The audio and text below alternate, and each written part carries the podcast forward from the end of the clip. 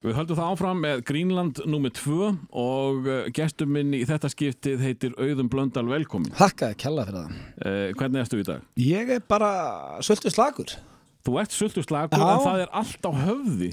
Það er svolítið mikið að gera núna sem er gaman. Maður getur eiginlega ekki kvartaði við því þegar maður er í, í þessari vinnu sko. Mm -hmm, og, og sko, þessi, sko, það sem þú ert að gera núna, þú ert að vinna með steipustöð, þú ert að vinna með asískan draum. og- Suður-ameríska. Já, ah, fyrir ekki, ég fastur í asíska. og uh, satt eða logið. Já. Og þetta er allt svona eitthvað ógeðslega skemmtilegt sitt. Já, það er eina sem er minnst leiðilegt með það er að geta ekki einbeitt sér alveg að Þú veist, ég hef verið rosalega til í að við værum að fara til dæmis í söður-ameríska drauminn um leið og steipustöðum klárast. Mm. Þannig að sjötti þáttu væri búið að sína, við verið búin að plugga honum hérna heima, búin að döbba allt og bara út. En við erum að fara núna á föstu daginn þegar við erum að fara að sína þátt nummið tvö, sko.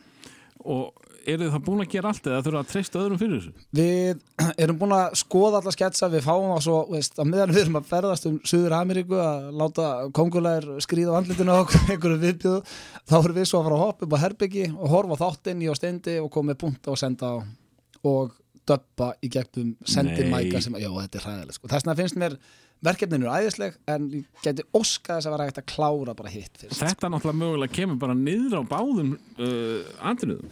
Já, ekki, meina, veist, þetta var líka svona síðast er það? Já, þannig að Þegar, að- þegar að það var Asía. þá var asíski draumurinn og fyrsta stefistöðin þannig að við vorum basically búin að sína að þetta sé hægt svona þá bara, mi- mikil mistök.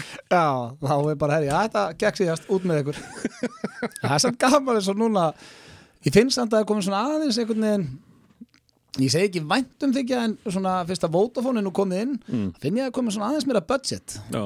því að til dæmis uh, ég var að skrifa undir við erum treyðir núna úti, Það finnst mér magnað. er Uh, st stöldur maður sérna við. Já, Þeir eru búin að fara í einhverja drauma núna, kasta ykkur niður í tegju og bara gera hluti sem að er mjög uh, lítið mál að deyja. Já, og sko, ég var að skrifa undir tryggingun náðan og þá bara uh, ert á leiðin í og heila bara allt sem voru búin að gera í hílum draumunum var á plagginu og ég er að setja, já, já, já þannig að því ég veit ekki hvað er að fara í en það er pottið eitthvað svona sko. En þið voruð ótryggðir í öllu þessu. ég, ég byrjaði bara að svitna þegar ég fatta það en ég veit að ferðalagi er búið já, ég, fyrst að vera að tryggja okkur núna það voru ekki dreyðir sem er ræðilegt. Ég heldur þetta að ég sé með eitthvað sjúkdómatryggingu Já, en er ekki eitthvað svona vísatrygging? En það er bara ferðatrygging. Ef þú ert að henda þenni í tegju og, og geta skorti sem eru eitru þá ég er alveg vissum að vísa en þetta er nú ekki alveg í, í samningunum sko. meira ef að lekur heima hér og var treyður fyrir því. Já ok, ég var ekki treyður fyrir þessu hérna með annan handlegin bara hangandilinn og nýja en uh, sko þetta ég hefði haldið að þetta myndi koma niður á þessum nýja draum uh, vegna þess að, að uh, þetta er svo mikið keisla þegar að gera Já. heila sériu, þetta er mánuðu cirka við verðum allan, fe förum út annan februar Já. og komum heim fyrsta mars þannig að þetta er allir februar bara, en svo leggur sig og uh, þetta er gífuleg keisla þegar að skila heili sériu á þessum tíma átta þættir, já og, og hérna þið hljótið einhvern tíðan að þurfa að kvíla ykkur Já, það ykkar er- kvíld er, er að döppa steipastöðina Nei, sko, það er reyndar það verða fjóri þættir sem við þurfum að aðeins, en ég, þetta er ekkit það mikið döpp Mm. þannig ég er kannski aðeins að mála þetta svartar en þetta er, aðalega að horfa þættin og sjá í hvað hérna röð sketsanar okkur, okkur finnst að sketsanar er að vera, Mm. því það er mjög mikilvægt í sketsaseríu að raðin er rétt upp. Að byrja stert, lefa svo kannski aðeins að þetta og svo enda stert, Mm. sem er bara basically eins og þú ert að og ég get ekki kvartaði því þó ég sé búin að vera þarna að láta að hrækja framann í með eitthvað í Kólumbíu að hoppa upp á herbyggju og horfa einn stiflustu þá sko, það er ekki, við erum ekki að frambóka skurð á kvöldin Nei. þannig að við hljóttum að harka þetta á okkur Jú, jú. Eh, förum aðeins í eh, Blöndalinn og, eða Blöddsterinn eins og ég kýsa kallan eh, það, sko, það vitað allir á, á landinu að þú kemur frá Söðokröki Já, það, ég auglýst það alveg ágætlega sko. Já, og, og, og það er bara töff að vera stoltur á upprununum Ertu fættur þar eða? Já, fæðist þar og árið 19, 8. júli 1980 en flytt svo þegar ég er tveggjára í bæinn Já, við þá í Íðufellið, Íðufell 6 vorum þar, þar til ég var 5 ára, flytt á Selfoss í eitt ár í Láengið, svo aftur í Breiðholtið, í Íðufellið og svo til Bandaríkjana, Svíþjóðar og svo þegar ég er 11 ára fyrir aftur, til, aftur á Krókin og er þar til ég er 19 ára. Ég, það er svona mikið flakk á þig Já, það var svolítið flakka á okkur. Þannig að ég get alveg kallaði bara fellow 101 Já, þetta hefur verið svona, já, þetta hefur verið, þetta var, pappi var á einhverju flakkir í, Já. vissi ekki alveg hvað hann vildi gera og ég held að hann nú aðalega fara út til bandarækjana þegar hann var með einhverju pókerskuld það með svo á öxlunum. Þegar var sjóra. Uh, ekkert sem ég ætti kannski verið að auðlýsa hér en Nei, og, og, þú hefur kannski fengið aðeins póker áhuga þá kannski frá pappin sín. Já, það er eitthvað gamlir hann í okkur. Já, en sko, það er reyndar eitt sem að það er bullandi fíkill í mér og ég hef fundið það alveg bara, alveg sama hvað það er sko. en ég næja haldunum niðri, ég held bara hérna að því að, að hausinn þó að öruglega margir sem er að hlusta ósamálum að hann sé rétt skrúar á en samt næja svona að úst, ég, mynd, myndi aldrei gamla einhverju sem myndi áhrif á líf mitt fattarðu. já, ég kem aldrei úr póker eða kassinu, þú veist, með þess að póker en nánast hættur að spila póker á Íslandi. Á Íslandi notabenni Já, af þetta, er alvöru player. Nei, veist, ég, ég spila aldrei á netinu Nei. Hef aldrei gert. Það er ekkit alvöru, það er bara eitthvað Nei, en þar, þar eru menn að tapa reysa upp að þeim Já, sko. já, Og mér finnst nefnilega svo gaman að sjá liðið sem ég er að kepa Þegar ég segja hættur að spila í Íslandi. Þá er ég að tala um að ef við förum út strákarnir Við förum uh, eins sagt, alltaf einu svona ári til Atlantic City mm. Og þá spilum við smá bókin Þannig að þetta er ekkit alveg lett sko. En er þetta ekki líka bara sko, stemmingin og upplifunin að-. Spila þetta Jú, Og spjalla við liðið sem er á borðinu og, og, og, ljósin og allt úðalega töff eitthvað Þú sest ekki við pókerbord til að að fara að græða pening Allavega ekki ég, kannski þið bestu En hefur þú uh, farið all in hefur, hefur einhvern tíma allt undir. Já, dauða drukkin, orðið mitt er skam Það er mjög reglulega þegar ég ætla að reyna að blöfa eitthvað. Þá hefur við, já, herru, I'm all in. Já, Það er bara call, oh, Það er mest að lína svo fær nefn og sett með eitthvað. Þannig að það er alveg dóttið þeim sko. þannig að uh, þegar að þú hérna, ert að fara að kveðja borðið þá ferðu bara all in. Já, já, Já, kannski bara setna eitthvað. En, en hérna, en, hérna uh, þú ert þess að uh, mannstu vantarlega fyrst eftir þér í breiðaltinu Já, basically, mann náttúrulega ekki eftir mér á króknum Ég man eftir mér uh, Bullandi leiknismöðar alveg. Já, Já. byrjaði að æfa þar, fimm ára, ég Nú. átti, mátti sem sagt ekki æfa fyrir að ég var sex ára en ég hekk alltaf í markinu og neita að fara. Þóttan að var leiðilegast í krakki sem bara, bara held ég sem hefur fundist bara hérna, fundist á Íslandi það er, ég hekk bara í markinu og neitaði sem sagt og hérna þjálfarinn með þess að mundi eftir mér, ég hef hitt hann. Já, er Bjarni, já, hann mundi bara ég neita að fara úr markinu. Þannig ég varði að fara með. Þannig að þegar ég var fimm ára þá var ég byrjað að ræfa með henn og þá var ég með þess að æfa með henni hérna, Hrefnu sem var svo landslískonni fótbolta með KR og, og hann voru nokkri mjög skemmtilega þar.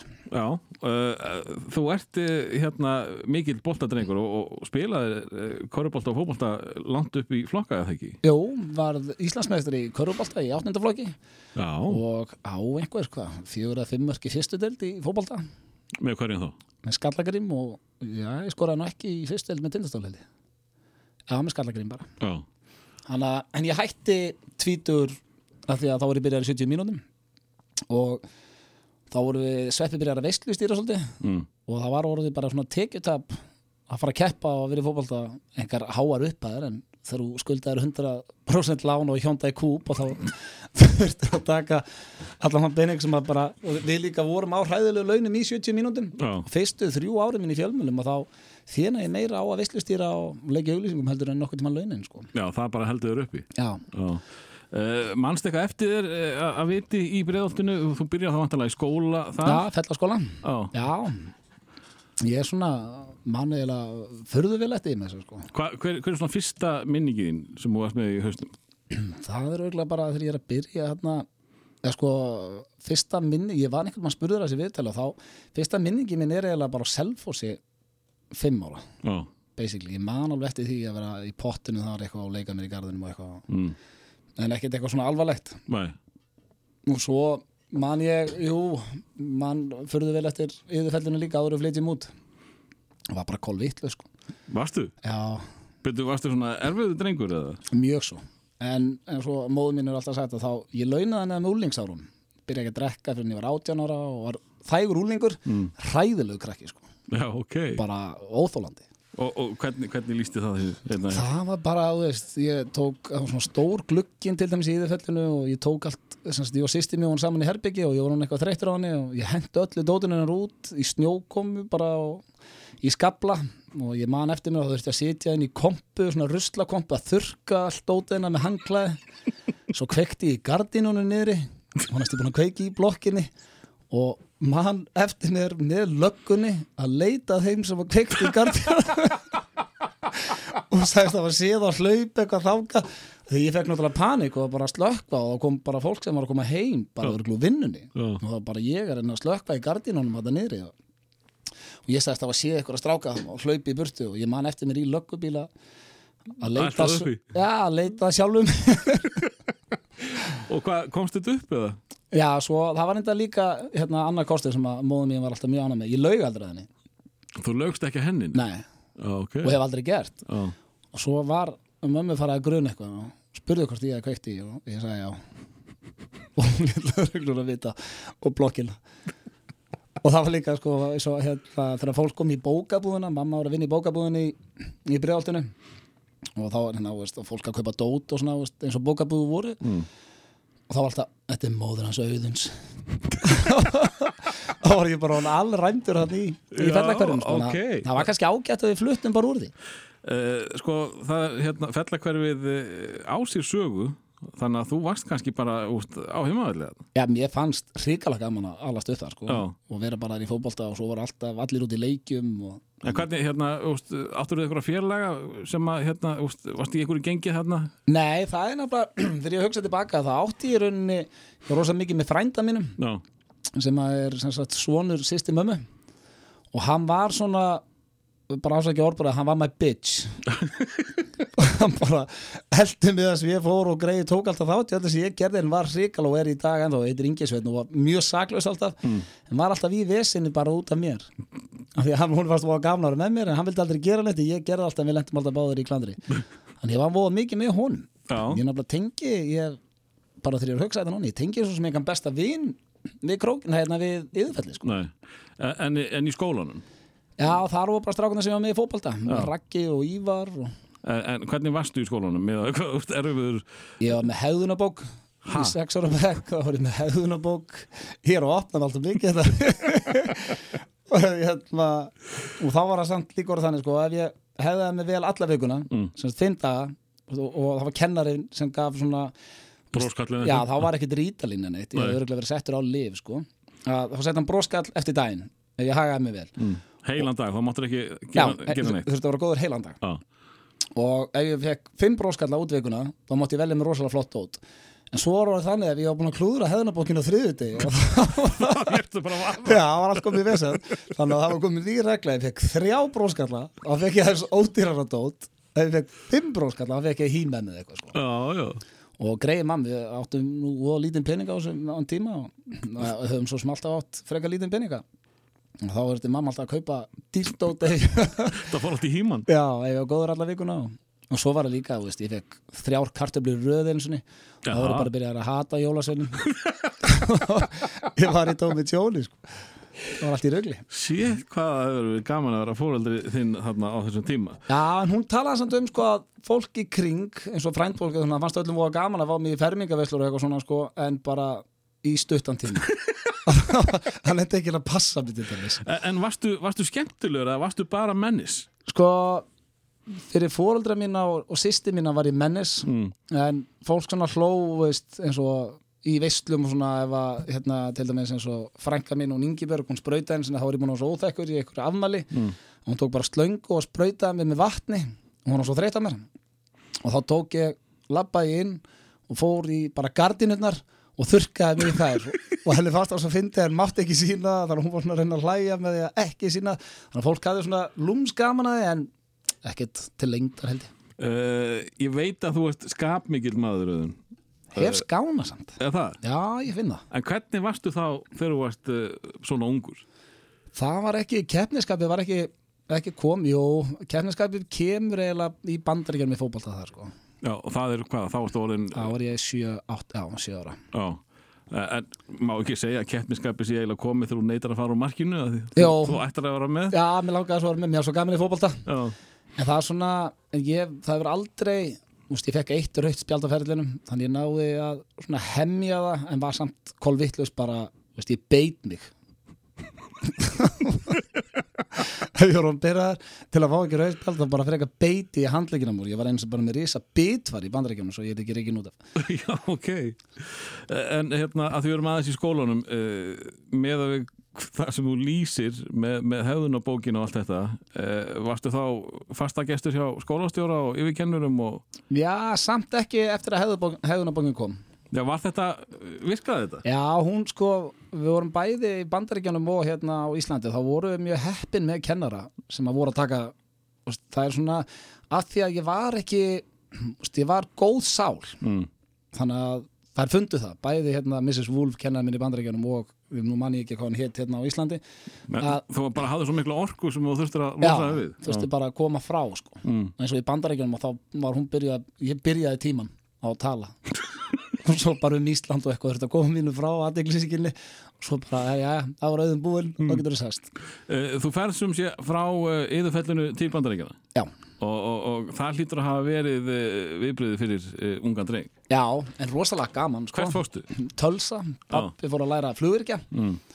og þar voru rosalega með það var bara svona íslensku, bara íslendingar nýlendaðar. Já, flugverki var mjög vinsalla á og bara kynnist bara besti vinnu minn í dag ég kynnist hún þar þegar ég er sjö ára sko. Já ertu með bara með Íslendingum mikið eða? já, Já, nema náttúrulega í skólan Já.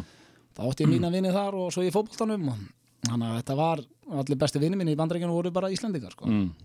En, en, en þú tala mikið um fótbolta í bandaríkjum Var einhver mikil sokkar menning? já, hún var alveg komin upp sko. mér var með þess að bóðið ég var hérna, þótti efnilegu þegar ég var yngri sko, þá var mjög snöggur mér var bóðið þegar hún að flytja að ferðast eins að að skilja með eftir eða hvort að annarkvort þeirra vildi vera með, mér var bóðið að ferðast eins að með state liðinu. Mm. þannig að þá hefði verið að keppa fyrir Oklahoma í mínum aldursflokki á móti öðrum. Þá ertu bara hvað, 8-9 ára gammal eða? já, nýjar og þurfum að fara. Já, já. Þannig að það var alveg, hefði verið gaman sko. Mm. Og þú, hugsaður um þetta á hverju kvöldi? Nei, ég, að að ég er lauku búin að sætta mig það að ég hefði aldrei orðið aðtunumar ég var ekki það góður. Nei. ég var efnilegur sem krakki en svo svona aðeins svo vantar eitthvað aðeins ekstra til að vera eins og þeir allra bestu sko. Mm eh, hvað hérna sko bara ef við höldum okkur aðeins í, í bandaríkjunum eh, viðbriðið mikið en, en þetta er náttúrulega svo allt, allt öðruvísi. Ég bara fyrir sjálfa mig að fara frá Njarvík og upp á völl þá var ég bara að koma í, í annan heim sko. Já, en hann svona, þegar þú ert svona ungur þá ertu svo fljótur aðlagast. Já. maður lærið ennsku strax en það var náttúrulega í skólanum það var eitt hérna ég var einmitt að skilin sönnum sögum hérna fyrir sattið að logið og, og þetta er einn sönn saga sko, þá mætti ég í skólan af því að þetta var líka í svona hérna, þetta er í miðvesturíkjónum Mm. maður er allir rosa trúaðir og er svona pínur redneck fylki á Oklahoma sko. Og þá mætti ég í skólan í joggingalla sem amma og afi kefti á kaniri og gáði mér. Mm. og svo er bara að byrja að benda á mig um allan skóla og ég bara hvað er að gerast? Og þá var þetta sem sagt playboy galli og ég var átt ára í playboy galla og bara þá þurfti ég að fara til skólastjóras og ég man að ég skammaðist mér svo ég var að byrja að halda í sem sagt á playboy merkja á peysunni já, og buksunum og ég held svona fyrir það því að það voru allir byrjað að hlæja að mér og það bara playboy þarna var bara klám. Oh. og mamma þurfti að koma að sækja mig í skólan og kennarinn, hérna, skólastjónan spyrir hvort það var ekki allt í lægi heima og vildi láta en svo í setni tíð að þá voru ég líka að hugsa bara hvað voru amma og afi að kaupa playboy galla 8 ára krakka í, á kannari Já. en ég veit ekki hvað þau voru að vesla það var mjög, mjög grilla það var mjög gaman á Kanari hjá þeim þetta skipti sem Eh, en hérna eh, eftir bandaríkin er það þá eh, aðeins breiðholt og svo nei, aðeins í Svíþjóð eitt ár. Svíþjó, hvað er að gera þar? pappi ætlaði að fara að vinna sem flugvirki Já, og, en var bara að vinna hjá Moto sem er closet pappisvesmiða hann fekk ekkert að hann gafst upp á því eftir eitt ár og þá flytju aftur á Söðakróka því að þá var húnum búið að taka við að taka flugvöllin að sér já, já og mamma og pappi voru með flugvöllin frá 1991 alveg til 98 sko Já, Sjö ár. ok. sáum hann alveg Uh, stöldrum samt aðeins við í, í Svíþjóð ég vissi ekki að þú hefur stoppað þar Hvern, hvernig var það? Mér varst uh, gaman í skólanum alltaf og gaman að kynast nýju landi en svíin er ekkit það skemmtilegu sko. Nei, meira stöð í kanunum Já, það var svona meirum að vera og við vorum líka á einhverju algjörum skítabæ hérna mm. afsakið sem heitir Finnsbong og er rétt fyrir utan Norseping þetta var bara svona við vorum líka, og það sem við byggum var svona net project og það var mjög mér hálf leittist það sko. Eh, ef þú ber saman skólana því, þú, þú varst uh, vandræðadrengur. Uh, Ísland, eh, Bandaríkin uh, ég tók eftir því að þú varst ánæði með kennarana bæði á Íslandi í Bandaríkinum minnist ekkert á Svíþjóð? Hver, varst eitthvað orðin rólegri þar eða? Nei, samt ekki, það var bara svona það var mun mér að strikt. Mm. ég þorði ekki að tekið harða ráði sko. Varstu hrættu við síðan? Já, pínu. Já þannig að ég svona, jú, róast aðeins þar en var svo aftur kólvillistur í koma grókin sko. Þá byrjaði partíð Já, uh, uh, Hérna sko við reynum að svona að uh, festa þetta hérna, þessi, þessi kapla í lífiðinu og, og, og segjum bara að barnæskunni ljúki uh, þegar að þú kemur á krókin aftur. Já, þá ertu hvað, 10-11 ára gammal það var ég allavega já. uh, og til að svo loka krakkanum, brjálaða krakkanum múnum veita hvað, hva, hvert er svona barnalæði, hvað, úst, varst eitthvað að fylgjast með tónlist svona ungur? Já, var, ég var tónlist á, á, heimilinu? Já, ég sagt eh, hlustaði svolítið á diskarnas pappa en ég var hérna fyrsta kassettan og geisladiskunum sem ég kaupi er sama plata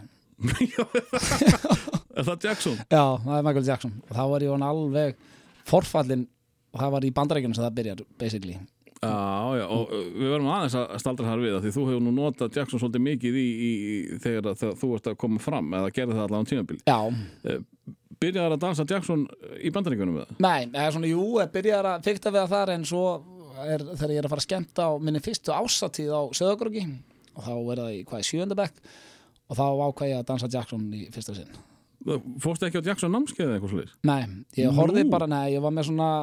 tónleika, þess að Motown 25 tónleikana Já. á spólu og ítti bara á pásu sem sagt það eru örgulega, jú, en nú fullt af fólki sem að tengi við, hérna, að þá gastu ítt á pásu og þú íttir rosalega ofta á hana þá gerðist allt mjög hægt það hjælt áfram Já. að þú íttir á pásuna og þannig lærði ég bara múnvokka og annað sko Nú, Bara- ég var alveg viss um að þú hefði tekið eh, hérna, eitt kurs í, í Jackson fræðum. Nei, þetta er, Þetta er bara heima lærdómur. já, bara fyrir ásáttíð sko Og þetta var bara fyrir þetta atriði. Já, Það finnst mér geggjað. það var metnaði sko. Það eru oftast fyrir metnaði þegar kemur að það skemmta sko. Já, það vantar ekki. Og það, bara metnaður í því sem þú ert að gera. En uh, ég ger það fastlega ráð fyrir að Jackson hafi eitthvað um það að segja hva, hvaða lag uh, svona lokar. Já, það er samt skrítilag. Nú, það sem ég tengi bæði við Svíþjóð, Bandaríkin og eiginlega þeirra, ja, kannski ekki þegar ég er að koma aftur á grókin en svona upp á slægi mitt með Jackson var alltaf Dirty Diana. já það var ekki býrit eða smúð kriminal og, og, og hérna, og hver, hvaða plata er þetta sem átti bæði á vínil og, og kassetu? bad, Það er bet, ég kaupi hann á undan svo dyrkaði hann og þá kefti ég thriller. Já, ok. Og átti það líka á kassetu og geisladisk. Og fórst einhvern tíðan neðar í, í, í ungan Jackson? Já, off the wall. Já, og, og jafnvel bara Jackson 5 og allan bakkan Já, ég kefti nú aldrei neina diska neitt með Jackson 5 en Nei. diska gömlu lögin sko. Ég kefti off the wall og bara ég skammast mér ekkert fyrir það í dag. að vera ennþá alveg Jackson aðdáðandi sko. Ég held að það sé bara töff að vera Jackson maður. Já. Erstu ennþá Jackson maður í dag? Já, já, Já, ég vil meina að hann hafi bara verið einfaldur og var bara krakki sko. Já, já. Hann, hann, hann, hann ólstaði aldrei upp. Hann Nei. var bara tíu ára alla sína tíð. En uh, þú fengið mikið diss fyrir að vera Jackson maður? Eh, kannski ekki diss en jú, hjá vinir- þínum vinum. Já, þeir bara eins og eigil bara hvað, hérna, hvað ég var að fara að salúta hennan badnani, ég bara þá get ég uh, hnakkrifist við hann sko. Mm. En það líka sem að mér fannst mjög skrítið. Sko, bara til að skjóta því inn að- tónlistasmekkur uh, eigil sér ógislu þess þykka er eitthvað sem að er ekki hægt að tala um sinni það er bara, það er einhver djöfla síra Hún finnst skúter töff og þá, það, þarf ekki að segja meira sko. Nei, og bara blóma í vissul með DJ Alligator og eitthvað svona sem enginn hefur heyrt um.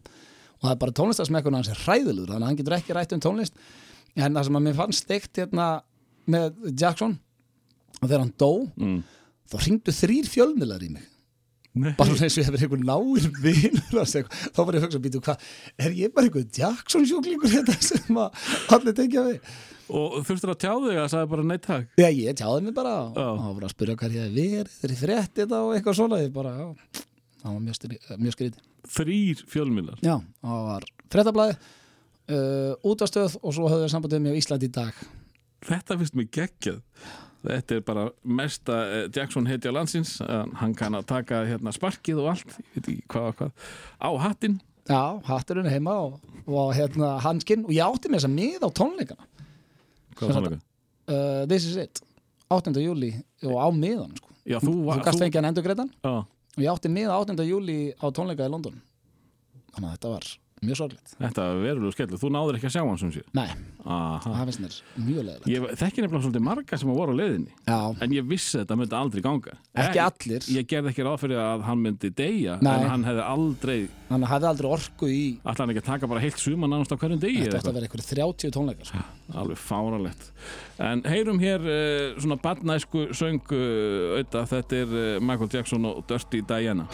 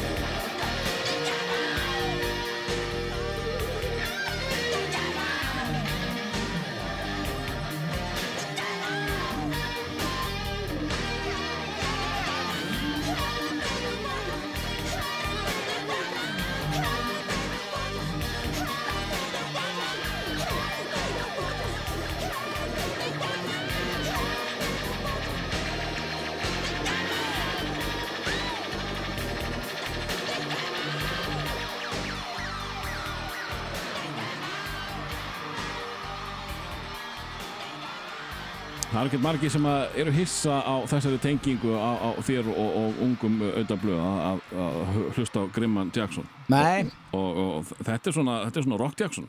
Já, þetta var svona mitt upp á slag alltaf.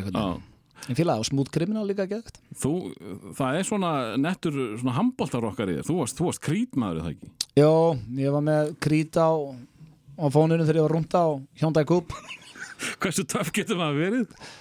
Ég veit ekki hvað ég myndi segja við gaurin ef ég myndi hitta hann í dag mig átján ára á bílnum.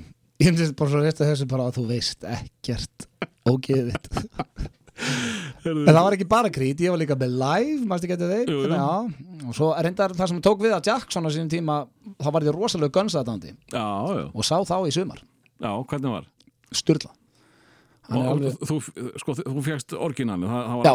já og bara um leið og ég sá að þeir var að koma aftur saman orginanil, Mm. þá pantaði mig alveg um leið sko. og hvað þurftur að býða í marga klukkutíma eftir að þeir færa á svið? Herru, þeir fóru á mínútunni hann er að ferðast, hann ferðast núna með sálfræðing Já. Slash neita að fara á tónleikaferðilega nema Axel er með sálfræðing með sér Já, og mér fyndi, svo var bara Guns er að byrja og það var ekkert stress þetta var í London Mm. Svo heyrði bara fólk, heyrðu, þeir eru byrjaðir. Þannig að það var, að eru svona 5.000 manns bara inn í að rýna þeir þegar þeir byrjaði, þeir held allir að nýri 10 tíma og seint sko. Þannig að það var mjög steikt. En uh, þú ert komin aftur uh, heima á krókin Varstu, þú varst ekkert búin að tengja við krókin þar Nei, þá kynnist ég náttúrulega bara króknum Já. 11 ára gammal sko. Já, og, og hérna, hvað varstu fljótur að, taka hann í, í sátt? Sem bara- bara fallegast að bæja félagi heimi. Nú leidni, Já, mér leið hrikalega vel þar bara frá kynntist strax öllum sem voru með mér í fótbolta og körfu og þeir eru allir ennþá besti vinni minni í dag sko. mm. þannig að það var ást við aðra sín og, og, og, fórstu þá all in í sportið? Já, og, og, kynnist körfubolta þá sko. Var náttúrulega alltaf bara í svo- kynntist ekkert korfunni í bandaríkjunum Nei, Nú. bara í fótbolta þar og Söðurkrókur er náttúrulega sem mikil körfubolta bær Mm. þannig að þá byrjaði maður að æfa körfu í mínibolta og þannig að það er og ég fylgst vel með körfu síðan sko. mm. Já, þið, eru duglegar að, sækja uh, leiki ykkar, ykkar liðs Já, uh, fræga fólki frá króknum en, en hérna uh, hversu, hversu reyður er, er, er blöndaðin þegar hann kemur aftur á, á krókin uh, ertu, ennþá, ertu orðin úlingur er mamma orðin sátt við drengið sín? það tók svona tvö ár. Já, 13 ára fer ég að róast. Og svona 11 og 12 og þá þurfti ég að fá smá aðdegli og já, var svona hálfbilaður en það var ekki, það var ekki svona eins og í breiðaltun að, Nei, ég var ekkert að kveiki í hann eitt Nei, eða, eða, eða fóreldur að, að, benda á því að segja þetta sé Nei, maður var ekki þannig alveg. Nei, En svona Ég var með smá strípunhegð á, á þessum tíma og var að vinna mér einn pening þannig stundum af því Já. að í keppnisferðalögum annað mm. að hérna til þess að ef mér vantaði pening þá spurði ég stundum bara ok, hvað fæ ég hleyp á teipinu þannig að hérðan og þanga og þá söfnuðu menn í púk og svo hljópi það var svona frá 11 ára til 13 ára þá var það svona örgulega vesta Þetta er náttúrulega bara basic til að ná sér í penning já já, þetta Ha. var bara eins og hver önnu vinna. Eins og hver það voru menn hann í kringum með með ríkari fóraldri en ég þannig að við þurftum bara að bjarga okkur. Uh, En hvað, hvað eru menn, sko, fyrir utan uh, íþróttir, hvað eru menn að gera á Söðakörgi á þessum aldri? ekkert, Það er ekkert. nei, það gekk allt bara út á fótbolta og Það er ekkert bíó eða... Nei, maður var ekki þá, það er náttúrulega núna. Já. Jú, reynda var bíó á svona tekja mánaða fresti ég man að ég sá White Man Can't Jump í bíó og sögurkröki Mm. það var fyrsta bíómyndi sem ég sá í bíó og þar en annars var þetta, já, tekja þryggja mánaða fresti eða eitthvað sko Mm. en svo náttúrulega líka, jú, jú, veist, maður er byrjað að vera kannski pínu skotin í stelpum þarna og, og þannig að þetta gekk allt út á íþróttir og svo fara á böll og vanga og eitthvað sko Já. og kósi Uh, það er eitthvað félagslík fyrir, fyrir skólan, uh, grunnskólan. Já, á félagsmyndstu bara Já, Já það, er fél, það var félagsmynduð. Já, félagsmyndstöðum friður Já. Þar fór ég reynda stundum í bönn. Ég mátti ekki spila bortennis þar einu sinni í einn og halva mánu fekk, ég var mjög tapsár þegar ég spila bortennis Brauti ykkur að stóla. Það er, það er af þessu sport sem að kveikir, ég verð svona líka Það í, er í bortennis. engin íþrótt sem ég verði jafn tapsár og ég í bortennis Nei, það er bara, maður verður svo snögg heitur Ég veit það. Að ég, ég, ég að en ég, fór, ég, ég reyðist ekki á húsbúna Það var þetta eitthvað eitt skipti. Að þá en líka sko við sveppi við spilum rosalega mikið bortennis þegar við vorum hérna á popti mm. þá var bortennisborð komið hérna sem að þurfti neitt að fjarlæga mjög snemma svo, og það var upp í útarpi, mann ekki hvort eftir því, þá gæsti var í bortinnis þar. Og við sveppi vorum konum með það þannig við vorum mjög svipar í bortinnis að við spilum bara eftir að við vorum búnir að gera allt. Af því að það hafði áhrif á bara vinskap okkar ef við vorum að fara að taka upp eitthvað atriði og hinn þoldi ekki hinn því að sveppi var alveg afklikkar og ég þegar við vorum í bortinni sko. Nei, hann er ekki svona heitur Jó, hann er, það er rosa keppniskap í sveppi sko. Já, já Þannig að Já, sko, fyrir þá sem eru skapheitir látið bortennisinn alveg vera sko. Já, þetta er hættul íþrótt, öllu ganni sleftið sko. En uh, hérna uh, ah, það dáttuðu mér sem ég ætlaði að segja fjárin hafið það uh, Já, ég man eftir einu sem þú sagði mér hérna sem, sem að lýsir aðeins uh, skapiðinu og það er uh, rólegasti uh, og svona mest döl tölvuleikur sem til er í heiminum Football Manager. Já, sko, það, þú ert ekki svona að keppa það er bara tölvan sem er að keppa við sjálfan sig. Og þú ræktir á, á skjáinu að vitla ekki já, ég ég mátti, ég mátti ekki spila þetta, það var líka, veist, svo er ég að tala með að róast á sögurkring, það var, ég fór stundum í straff í tölvunni heima, af því að pappi var mikið, pappi er rosa britsari, og hann spila rosa mikið brits þá online, Mm. og það var líka mjög fyndið þegar hann var að spila online brits, að þá var þetta svona að tengja símar, það var ekki að ringja heim og eitthvað sko, og og svo var það einhvern mann vitna því þegar ég hrækt á tölvun og, og þau fengur bara tauga hann og mamma bara hvað varst að gera? Og bara trúðu þessu ekki sko. og svo var líka einu sinni að þá var ég Sverri Bergmann og Átni Ragnar besti vinnur okkar. Mm. þá vorum við saman og byrjuðum allir í fyrstu deildinni með lið í fútbolmanager eða championship manager Já, og ég var búin að vera efstur allt tímabili og Sverrir í öðru sæti og Átni í þriða það fóru bara tvö lið upp. Og ég tapa síðasta leiknum fyrir Átnar Ragnar þannig ég endi í þriða sæti og Átni og Sverrir fara upp um deil þá tók ég örgulega svona eitthvað vestakast sem ég hef tekið bara fyrr og síðar. Og móðin mín kom inn bara og það var hún fann að sofa það var bara nótt. Og hún öskrandi á mig og strákandi svona að reyna að lauma sér út bara. Og mamma að öskra hvort annað. Og svo hitti ég á í skólanum daginn eftir. Ég bara, þið voru ekkert að bugga kallinn. Ertu hvað- við þorðum ekki að vera að inni. Það var mikið bugg alltaf á þessi tíma þegar mönnum gekk illa. Já. en svona eftir það fer ég, þannig er ég svona 13 ára eins og tala um þá, fer ég að róast 13 ára. Mm.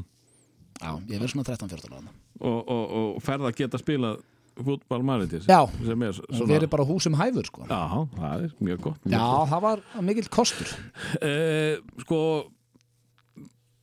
ég kynnist þér náttúrulega þegar þú tekur þátt í fyndastumar Íslands uh, og, og maður svona skinjaði að þið, þið langað alltaf að slá í gegn. Þið langað að koma fram og gera eitthvað. Hvenar, hvenar færðu þessa þrá bara mannst eftir því Já, það byrjar í rauninni bara í sjöndabæk Já. þegar dansa Jackson sko og svo Var það ekkert fyrir? Bara, var það þegar þú varst búin að gera það og fannst hvað þegar fannst geggja að vera upp á sviðinu eða, eða... Já, sko, ég hef alltaf verið mjög aðtíklisjúkur sko. Mm. reyndar hérna konum systemi með góðan punktin daginn af því að, eða um daginn, nokkur á síðan að eins og í dag, ef ég var eitthvað staðar þá varði ég bara fatigli Mm. og var bara hræðilegur eins og við vorum í afmælið eitthvað og þá var maður alltaf að reyna að vera fyndin eitthvað en hún vildi meina að þetta væri svona eins og fíkill að ég er búin að fá skamti minn þannig að núna þarf ég ekki alltaf að vera að sækja stættin aðteklinu því að ég er bara livjaður og er búin að fá mín aðtekli hérna í fjölmjölum manna Já. en veist, ég fann það bara, já, ég held ég að það bara í sjöndabæk hvað með hans gaman að, að skemmta fólki sko. Eh, varstu sko eh, þú fann að róast eh, 12-13 ára en eh, færur þig yfir í að vera eh, trúðurinn eh, eða já, það tekur svolítið við sko. þú, er, þú ert sem sagt með vesinn í skóla nánast alla tíð Já. en, en verður svona með trúðsvesinn þegar, þú Já. róast, róast í skapi og það er svona meira fann að vonast til að fólk hlæja mér og, og svona þægilegri þægilegra bögg fyrir alla og, og var, var lítið gert í því? Þetta er miklu skaraldur en hinn auðvitað þannig að Já, það var ekkert gert sko. Nei. Kennaði nú alveg sátt við það.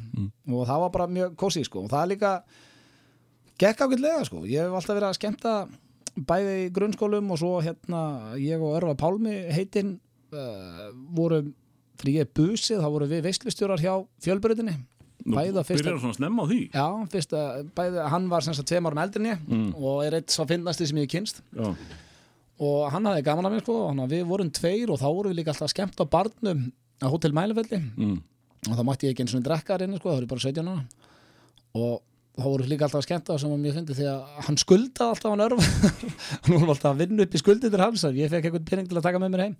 Þannig að það var alveg byrjað að snemma að veistlustir, eða við vorum basically bara að segja brandara sko. Já, þannig að það er, hefur alveg fyllt með svona frá, já, sjönda bekkeldi það er Eh, skemmta. Eh, En hérna hvenar fa- sko fer hérna fara íþróttirnar að, að skipta ykkur máli? Veist, þetta er náttúrulega bara gaman og, og, og, og, hérna gaman í, í, í boltaleikjum þegar maður er krakki. En eh, sko ég gruna það, ég með gruna það að á einhverjum tímapunkti hafið þú viljað verða eitthvað og, og spila Já. með meistaraflokk og ég ætla að fara alltaf leið og Ég ætla alltaf að vera atvinnumæður Það er þannig? Já, ef ég var spurðu bara hvað ætlar að vera þegar þú voru eldri það var alltaf bara atvinnumæður í fótbolta. Mm, en svo byrja ég að fatta svona 18-19 ára að það var ekkert að fara að gera eftir Eh, en þú, þú bætir í á einhverjum tímapunkti eða ertu bara á sama hraða? Ég, Það vantaði og böggaði mig alveg í dag það vantaði smá auka metna þar. Já, og þú vissir og gætir eitthvað en Já. þú vissir kannski líka að það vantaði meira sem hún nettir Nei, sko, ég nefndi, ég mætti aldrei í útilöp og ég var ekkert að lifta með, veist, var bara svona nettur haugur sko. og var það líka í vinnu. Já, það? Já, Hvað varst að vinna? uh, ég var í bakariðinu og segja okkur ekki. Já, og svo þegar mamma og pappi skilja þá fyrir við söður og þá fæ ég vinnu hjá Íslandsflugi sem var hræðilegt því að þar átti ég að vera aðstofa flugvirkja og ég var basically mér var hentar inna því að mamma mín var að vinna og sýsti mín og þetta var bara svona klíkuskapur. Mm. og það var öllum sama þó ég væri ekki á svæðinu. Ég lagði minn sinni á klósetti í tvo tíma setti bara svona vöndul af tissjum og lagði minn á klósetti og það saknaði minn engin það var ræðilegt og ég aldrei verið bara jafn useless. Og svo byrjaði að vinna hjá Vurt. Og það var æðislegt, kynnist fullt af góðum strákan það sem ég er ennþá í bandi við í dag. En þá var ég líka latur. En svo man ég þegar ég fekk tækifæra á að fara í 70 mínútur og það var eitthvað sem ég langaði rosalega að gera. Ég var búin að vera að ljúga að fólki heil lengi. Ég væri að fara að byrja að vinna með þeim. Af því að allstæðar sem ég fór, það voru allir vinir mínir í háskóla.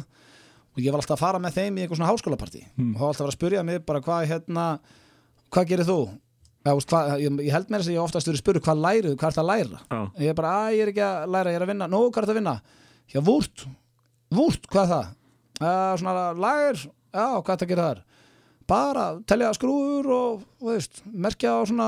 að og, þá bara mistu allir áhuga. Nefndi ekki að tala við mig. Og ég bara svona, Þannig að ok. þú þurftur að koma í tromp Já, þannig að ég var byrjaðar og þetta er satt, ég var byrjaðar að ljúga þegar ég og mamma horfðum mikið á sagt, byrjuðum alltaf 70 mínútum og horfðum svo á Jay Leno Já, saman. Og það gósi okkur í fróttafaldinu og mér fannst þeir mjög skemmtilegir og fannst þátturinn mjög skemmtilegir og var alltaf að hugsa bara, já ok, ég geti fitta þannig margt sem að mér langar að gera þarna.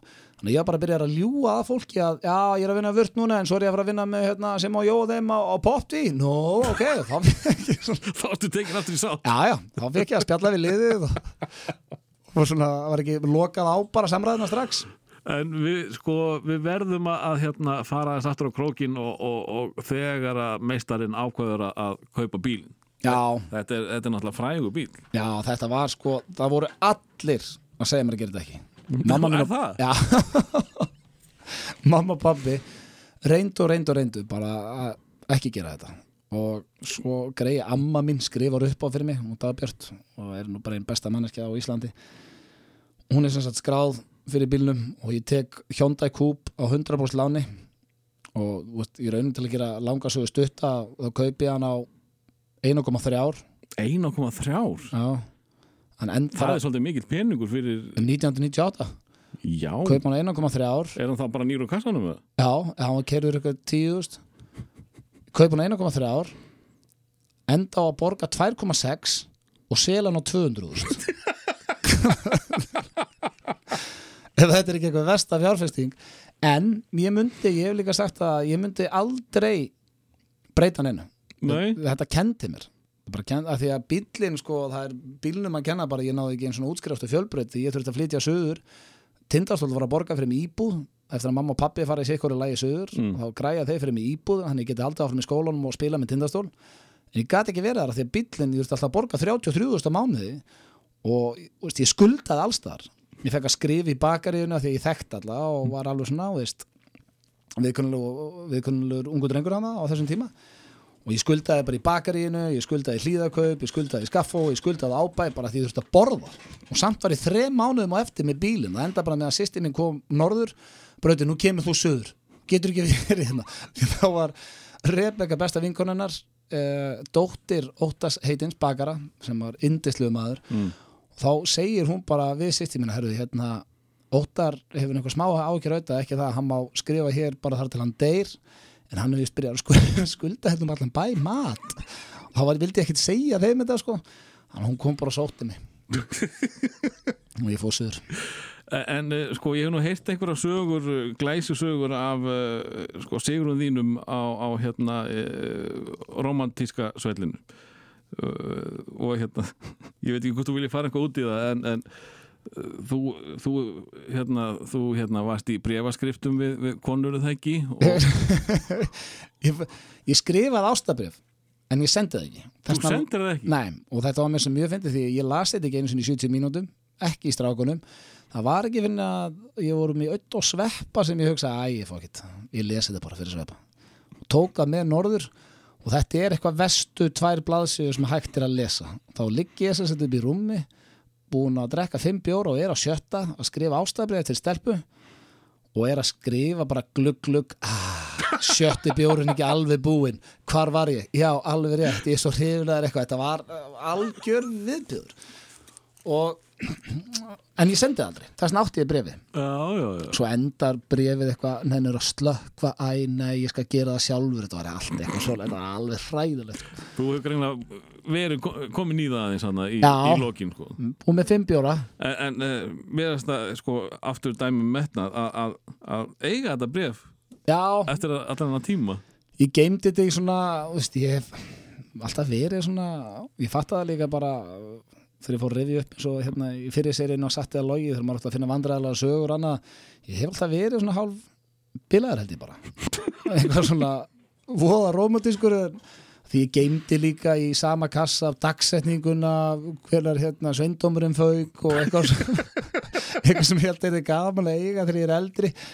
Fullt af eitthvað svona hræðilegu myndum sem ég var að stela af stelpum í félagsmyndstunni sem var skotin í eitthvað. Þetta var eitthvað svona rómókassið minn og brefi var geimt þar Þetta er, þetta er, þetta er askaplega fallit allt saman. Já ég er að ég er að horfa á Beverly Hills alltaf á þessum tíma. Já, Beverly Hills 90210 mm. og það var einn ein sagan sem ég sagði nú eins og í okkar útastætti FNI5 blöð að þá var það þannig að ég horfði á Beverly Hills þátt og þá er Dylan rosalega skotin í Kelly. Mm. og, Kelly er þessi dökkar nei, ljósara, hann var alltaf með brendu. Já, og er eitthvað skotin í Kelly og, og svo hérna ákveður hann bara hann fer bara heim til hennar dinglar og kissir hana. Og hún kissir hann. Og ég heima hjá mig með teppi og horfa á þetta miðvikudagskvöldi og bara herðu svona að gera þetta maður. Bá hvað þetta er gott múf ég var mjög skotin í stelpa á þessum tíma sem heitir Íris. Og hún bjóð sem sagt ég er í túnakörinu og hún býr í hverjunu fyrir ofan. Þannig að ég lappaði yfir sko bara allt engi bara hérna, engið og upp göngustíg og bara seinta kvöldi til mm. og er komið til hennar og er að fara að dingla þegar ég er fyrir utan heima henni. Þegar ég fatta að býtu hvað gerði hann svo þegar hérna hann var búin að kissa hana? Að það kom bara stafinn. Og státtur hann var búinn. Það var bara endurinn og ætturum þannig ég shit, hvað ég gerði þegar þetta búið? Þannig ég fer aftur niður eftir ákvað að býða þá til í næstu viku sjá hvað gerðist. Já, en maður þá náttúrulega bara byrja þáttun á því að Kelly kemur bara inn í stofu og er eitthvað að tala við Donnu eitthvað bara Dylan kissed me last night. Og hún bara, oh really þá náttúrulega ekkert sínt mér þannig ég vissi ekkert hvernig, hvað ég átt að gera. Og sem betur fyrir dinglaði ég aldrei. Eh, en hérna, það, það hefur verið eh, nokkuð gaman að vera úlingur á, á króknum. Já, það var æðislegt. Úst, og þarna eru drengi sem að ég kannastu líka sem að þú hefur já, verið besti vinnur bara síðan þá og þeir margir komnir hingað suður. Já, og bara erum allir bestu vinnir ennþá sko. Já, þú veist, þetta, þetta gengi þitt eh, fyrir norðan er eiginlega allt komið hingað suður eða ekki? Jú, og í rauninni það er eina sem ég sleðast með krókin að öll familja minn flutt líka mm.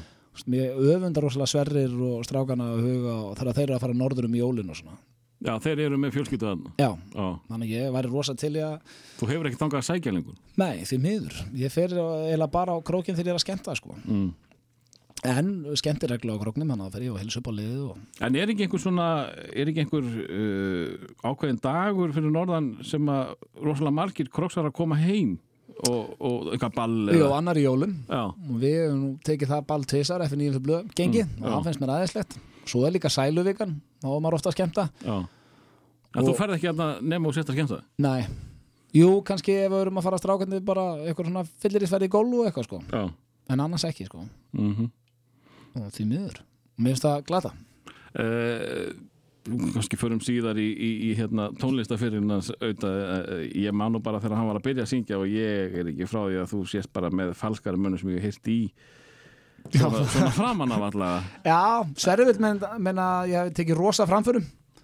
Já, það er nokkuð ljóst, þú, þú varst mjög falskur. Já, og átti og gæti ekki fyllt takt sko. Nei, en uh, það gerist eitthvað Já, já, svo bara uh, eins og annað eða þú æfið þig, þá kemur það. Ekki það ég kunni að syngja í dag, langt í frá en ég get fyllt takti. Já, ég meina, þú ert að koma fram að syngja eða ekki? Já, þá er Sverri eiginlega alltaf með. Já, hann, hann bakkaði upp en þú ert Já. samt að syngja. Já, já, ég er að syngja. Já. En þá mér finnst að koma á Twitter um daginn þegar við gerðum nýja þjóðatjálagi þá var eitthvað sem að skrifaði hérna. Þeir fá alltaf bara Sverri Bergman með sér í hérna, lögin svo það verið flott No shit Sherlock. Og veist hvað hvað okkur heldur að sé það Það er mikið af flottu fólki á Twitter sko.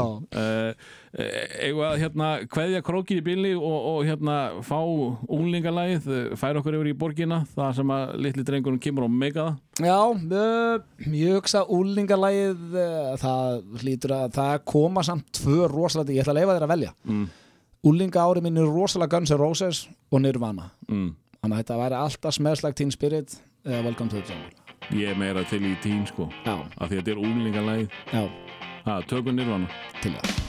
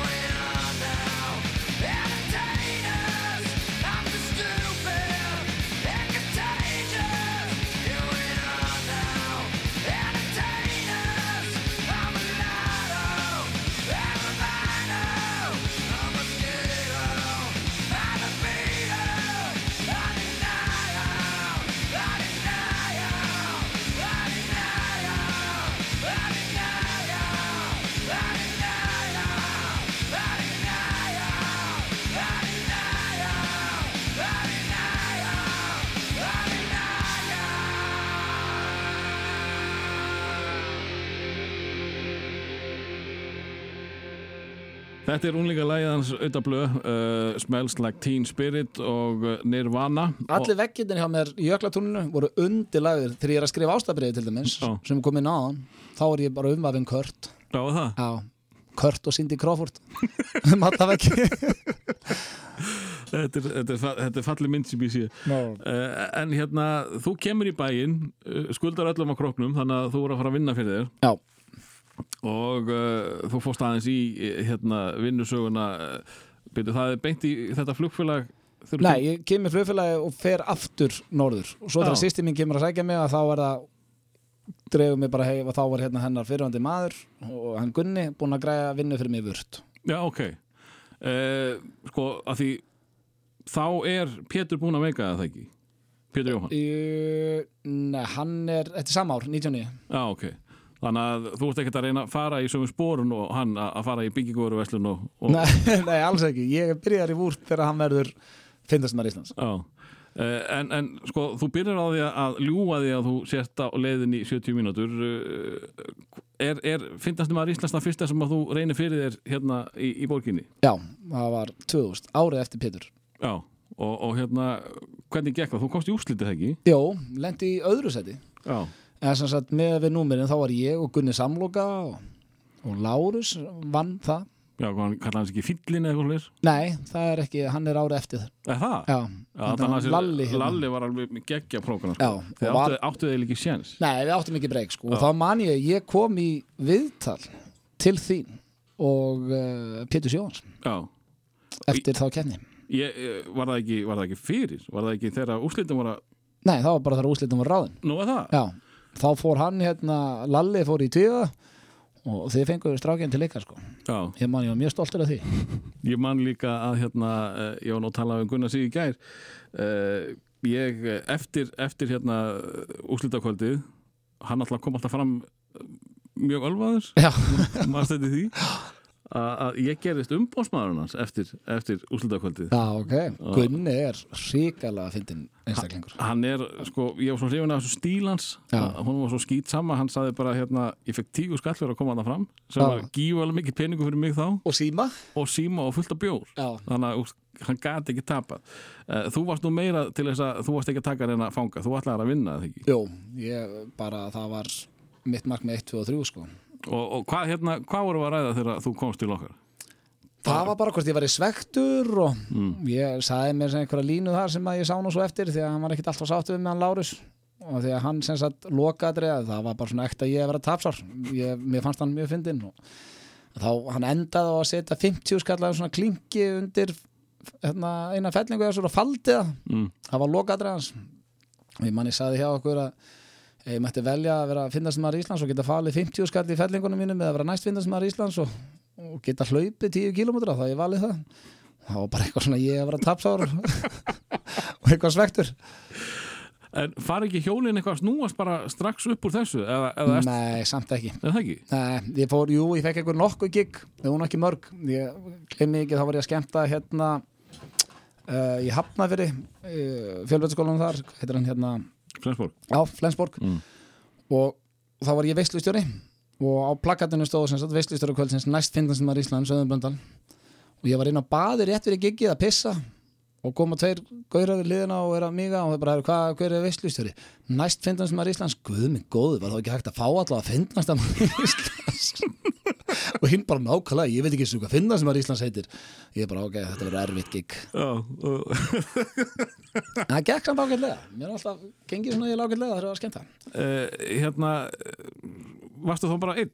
Já, og, og varstu mikið að skemmta einn eða veistlu stýra Sko- þetta, þetta er náttúrulega svaka prógram sko, þó, þó sett líka að segja rækjukotellin sem komið fram og eitthvað já, þá þarfst að halda fólki á tánum og, og uh, það gekk alveg ágætlega sko. Ég tók náttúrulega Jackson þú tókst Jackson var með hann Já. sem er lokaðri sem var alltaf stert og Mm. var búin að semja náttúrulega standa fyrir keppnina mm, sem að fó bara vel í lið, það gekk ágætlega sko. það var aldrei eitthvað svona þögn, ekkert bara en maður gæti náttúrulega ekkert auglýsi þannig að það voru eitthvað svona þrjú, fjögur gig mm. held ég, eftir keppnina svo var það ekkert meira bara fyrir en að maður byrjar í 70 sko. þannig að það bara feitað út eða hvað já, og er, er það löngu síðan sem að þú kemst í, í, í 70 mínútur. ári, það er svona líður ár Það líður ár. Já, Og ertu þá að eitthvað íta þér að þeim eða? Já ég sótt um sexin í 70 mínútum og Simmi gaf mér bara séns að því að hann búin að gefast upp á mér sko. Já. Ég stólkaði hann bara sporkafi og var alltaf að segja að maður þurfti að fara að gefa mér tækifæri í fallinu myndaðel og var alltaf að með ykkur hugmyndir og ég held bara að Simmi greið var bara komið nóg þannig að hann hugsaði bara, æ, herru, gefum hann bara séns og, og þar fekk ég tækifæri og það gekk vel sko Og þarna, e, sko, á þessum tíma þá er þetta sem á Jói, Sveppi er í auka hlutverki Já, og þú ert þá uh, auka auka. já, Já. Nema það að þegar ég kom inn í auka auka þrem mánuðum eftir að ég er í auka auka þá fyrir sveppi til Fraklands með konu sinna að læra frönsku Já, já. fyrir eitt ár Þannig að þú vantar- færð að vera aðal Já. svona auka atrið. Já, þá kem ég inn og er svona þriðja hjóli sko. Og hvað hérna, uh, þegar að, þegar að byrja, veist, Sveppi byrjaði bara með eitthvað sveppahopp sem var bara eitthvað flipp og, og rugl. Já, Uh, Fjekkst þú að stjórna þínu eða varst að gera eitthvað sem þeir sögðu að gera? ég var basically bara sá um falda myndaðalar Já, og svo ef að til dæmis Simmi var mikið að selja auglýsingar Mm. þannig að þá var ég að taka upp með Jóa þegar hann var að fýblast og svo við að fýbla saman og taka upp Íslandsmet og, og eitthvað svona sko. og, og sástu það strax, þetta, þetta er það sem er, þetta er, þetta er ég. Já, það var mér uh, leið strax vel þar og það meiri segja sko það sem ég fíla líka við í dag að þarna eiginlega bara kom metnaðurinn sko. því ég var nettur haugur ég tók engar aukæðingar þegar ég var í fótbolta og annað og Samt varstu með gífulegan áhuga á því og vildi verða vandunum að Já. Samt var haugurinn til í þér þar. akkurat Já, og það böggað mér hrikalega í dag. Veist, eins og ég er í mun betra formi í dag heldur nokkuð tíma þegar ég var í fótbolta. Mm. ég lifti aldrei og gerði aldrei neitt aukarlega og, og ég sé pínu eftir því en þá var það líka, þá hugsaði ég með mér ok, ég er búin að ljúga öllum hérna í nokkra sem ég fara að byrja að vinna með þeim. Og til að vinna, geta unni með þeim og þá þurfti ég að mæta sex að mótnan í vört vinna frá 6 til 3 fara svo að hitta þá frá 3 til 5 mm. eða 3 til 6 og var, gerði þetta frítt í þrjá mánuði Gerðu þetta frítt í þrjá mánuði? Já, mætti alltaf sex á mótana tvisar eða trisar í viku til þess að geta fara að taka upp með þeim og, og þá hugsaði líka bara ég ætla ekki að sleppa þessu sko. Varstu bara strax svona svona graður þegar, þegar, hérna, þú prófaði þetta?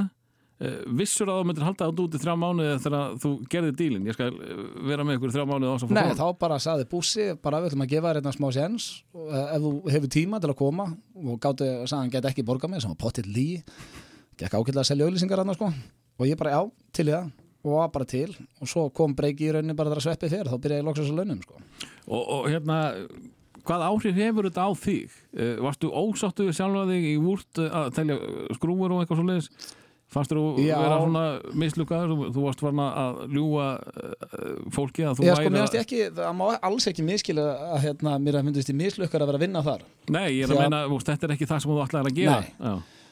og vissi að ég var ekki að fara að klára fjölbyrð og langaði rosalega mikið að skemmta fannst það gaman og langaði að komast í sjónvarp og hugsaði þá í rauninni bara, ég man eftir því með þess að þegar ég ligg bara í frostafaldinu að fara að sofa bara með þess að fara með bænir um að ok, nú neglu þetta sko. Já, þannig að metnaðurinn kviknar í rauninni þar og þá bara fattaði ég bara ok, ég mæti bara sex og Birkir Átna hérna sem er ennþá góðu vinn minn í dag hann á svo mikið í þessu fyrir að leifa hann að mæta sex og vera til þrjú því var bara mættur einn bara í vúrt að taka pantanir fyrstu tvo tímana Mm.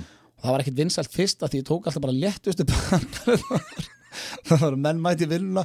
Það var alltaf erfið eftir að því ég var bara búin að sækja svona, þú veist, að taka saman pantanir að þá eru fyrirtæki til þess að panta perur og kannski eitthvað svona létt Mm. sem er, og það leit mér alltaf líta betur út ef ég var búin að setja smá stapla í bunkan sem ég var búin að taka saman. Svo að þú bara fóst í gegnum bunkan, það voru þetta léttustu pantanir þannig að það breytist, ég átti að fá að halda þessu áfram og þurfti að byrja að taka hans þingri pantanir. Mm.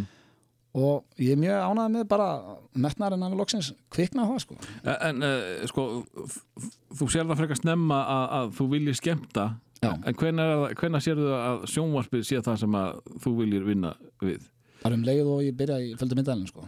Já, það var það ekki komið fyrr? Nei, bara mér langaði rosalega að komast inn í sjómas mér langaði bara að prófa að vera í mér fannst þetta svo skemmtuleg þáttur, Já, 70 þú, þú vildi komast í þetta gengi bara? Já, Já, og uh, svo var þess að þannig að þegar ég var að leika í fjöldu myndalum og, og byrjaði að fá smá aðtegli þá bara hlakkaði til að frá gauk og stöng í vonum að einhver myndi segja, hei, þetta er gaurinn í fjöldu myndalum ég var alveg þar, sko, bara, já, það passar.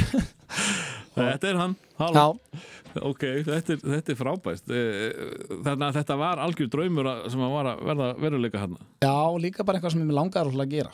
Að vera að vinna í fjölmiðlum og, og líka mér fannst þeir svo skemmtilegir Hvenar, hvenar hérna fer fólk að þekkja þig? Er það ekkert fyrir að þú ert fann að setjast í, í settið? Jú, það var, földu myndaðalarnar gengur rosalega vel sko Mm. og voru margar alveg klassískar sko þannig að það var alveg byrjað áður en að sveppi fyrir út sko Já, og því að ég leik alveg þetta er alveg þrýr mánuður, ég leik alveg í svona 10-12 földu myndaðalum áður en að áður en ég fæ vinnu sko já. Og, og hvað, hvað breytist við það að sveppi fyrr? þá fæ ég laun Já, og fæ borð og tölvu og já, stól já, og var þarna frá 9 til 5 sko já það, hættur í úrð. já, bara komið vinnu þá Já, já, já. Og, og, en þú ert ekki komin í settið það? Þú, Nei, ert- þú ert s- setti byrjar ekki rauninni fyrir að þetta var alveg fáránlegt hvernig þetta hitt alltaf á þegar Sveppi kemur heim frá Fraklandi Mm. og þá eru Jói og Olla búin ákveða að fara til Ítalíu Já. og vera þar í ár og þá kemur Sveppi og þá var ég náttúrulega búin að vera með þeim þarna í ár, eða hálft ár. Og þá simmi var ég eitthvað svona voða stressið um að missa Jóa og vildi ekki vera bara það var pælinga er alltaf hann og annar okkar til skiptis. Svo bara ákveða að prófa bara okkur er ekki bara þrýr í settinu og við prófum það og ég myndi borga svo að háa upphæð í dag fyrir að eiga fyrsta þáttin þegar við vorum þrýr saman. Því að Simmi ætlaði að hætta eftir hann. Þú? Að þetta var bara hræðilegt.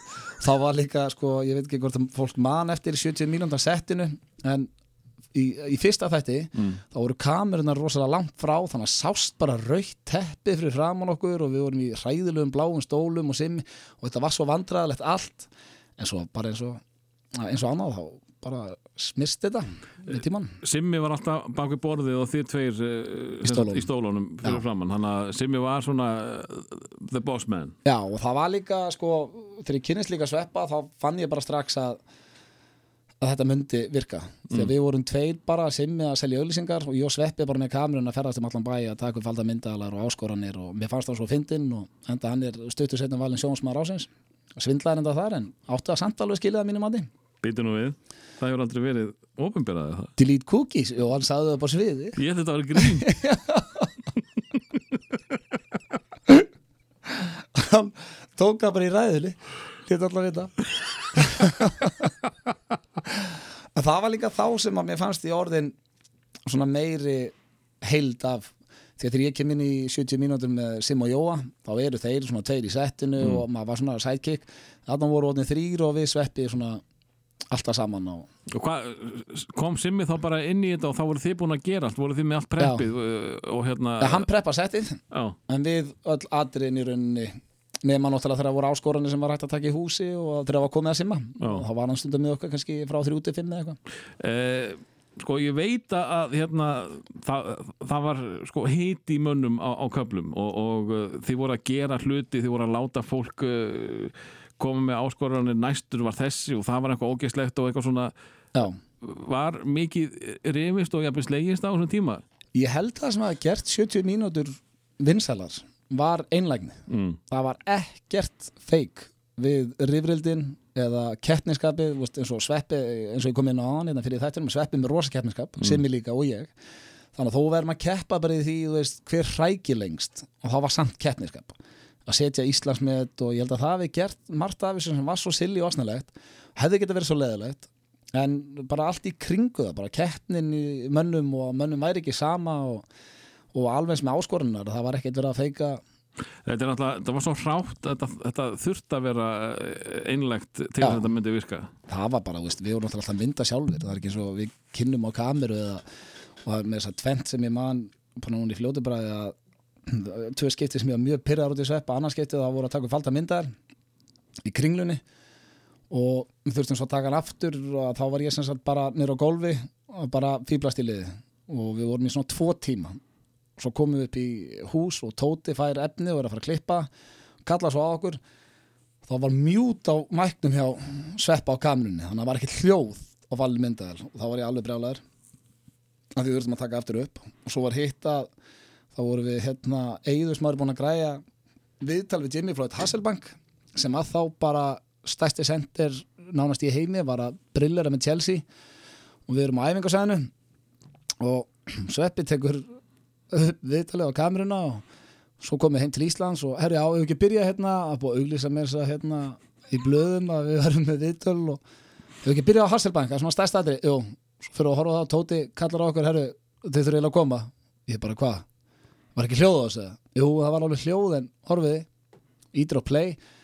Þá tók sveppi mið, hérna, viðtalið upp á móti sól Þannig að sást bara í tennurnar á Jimmy Floyd Hasselbank.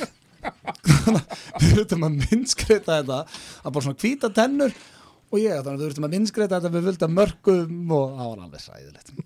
En ég held að það hafi líka bara verið hluta því sem að gerði 70 mínútur vinsala var bara hvað þetta var heimilislegt og þetta voru bara félagarnir í, í sjónvarpinu sko. En, en samt, sko, samt sem áður, þó þetta sé heimilislegt og, og, og uh, átti að vera svona bara free flowing eitthvað, þá var þetta mikil pressa eða ekki? Já, Þið þurftu að delivera okkur um einasta degi já, þætti. 70 mínútur dag Já.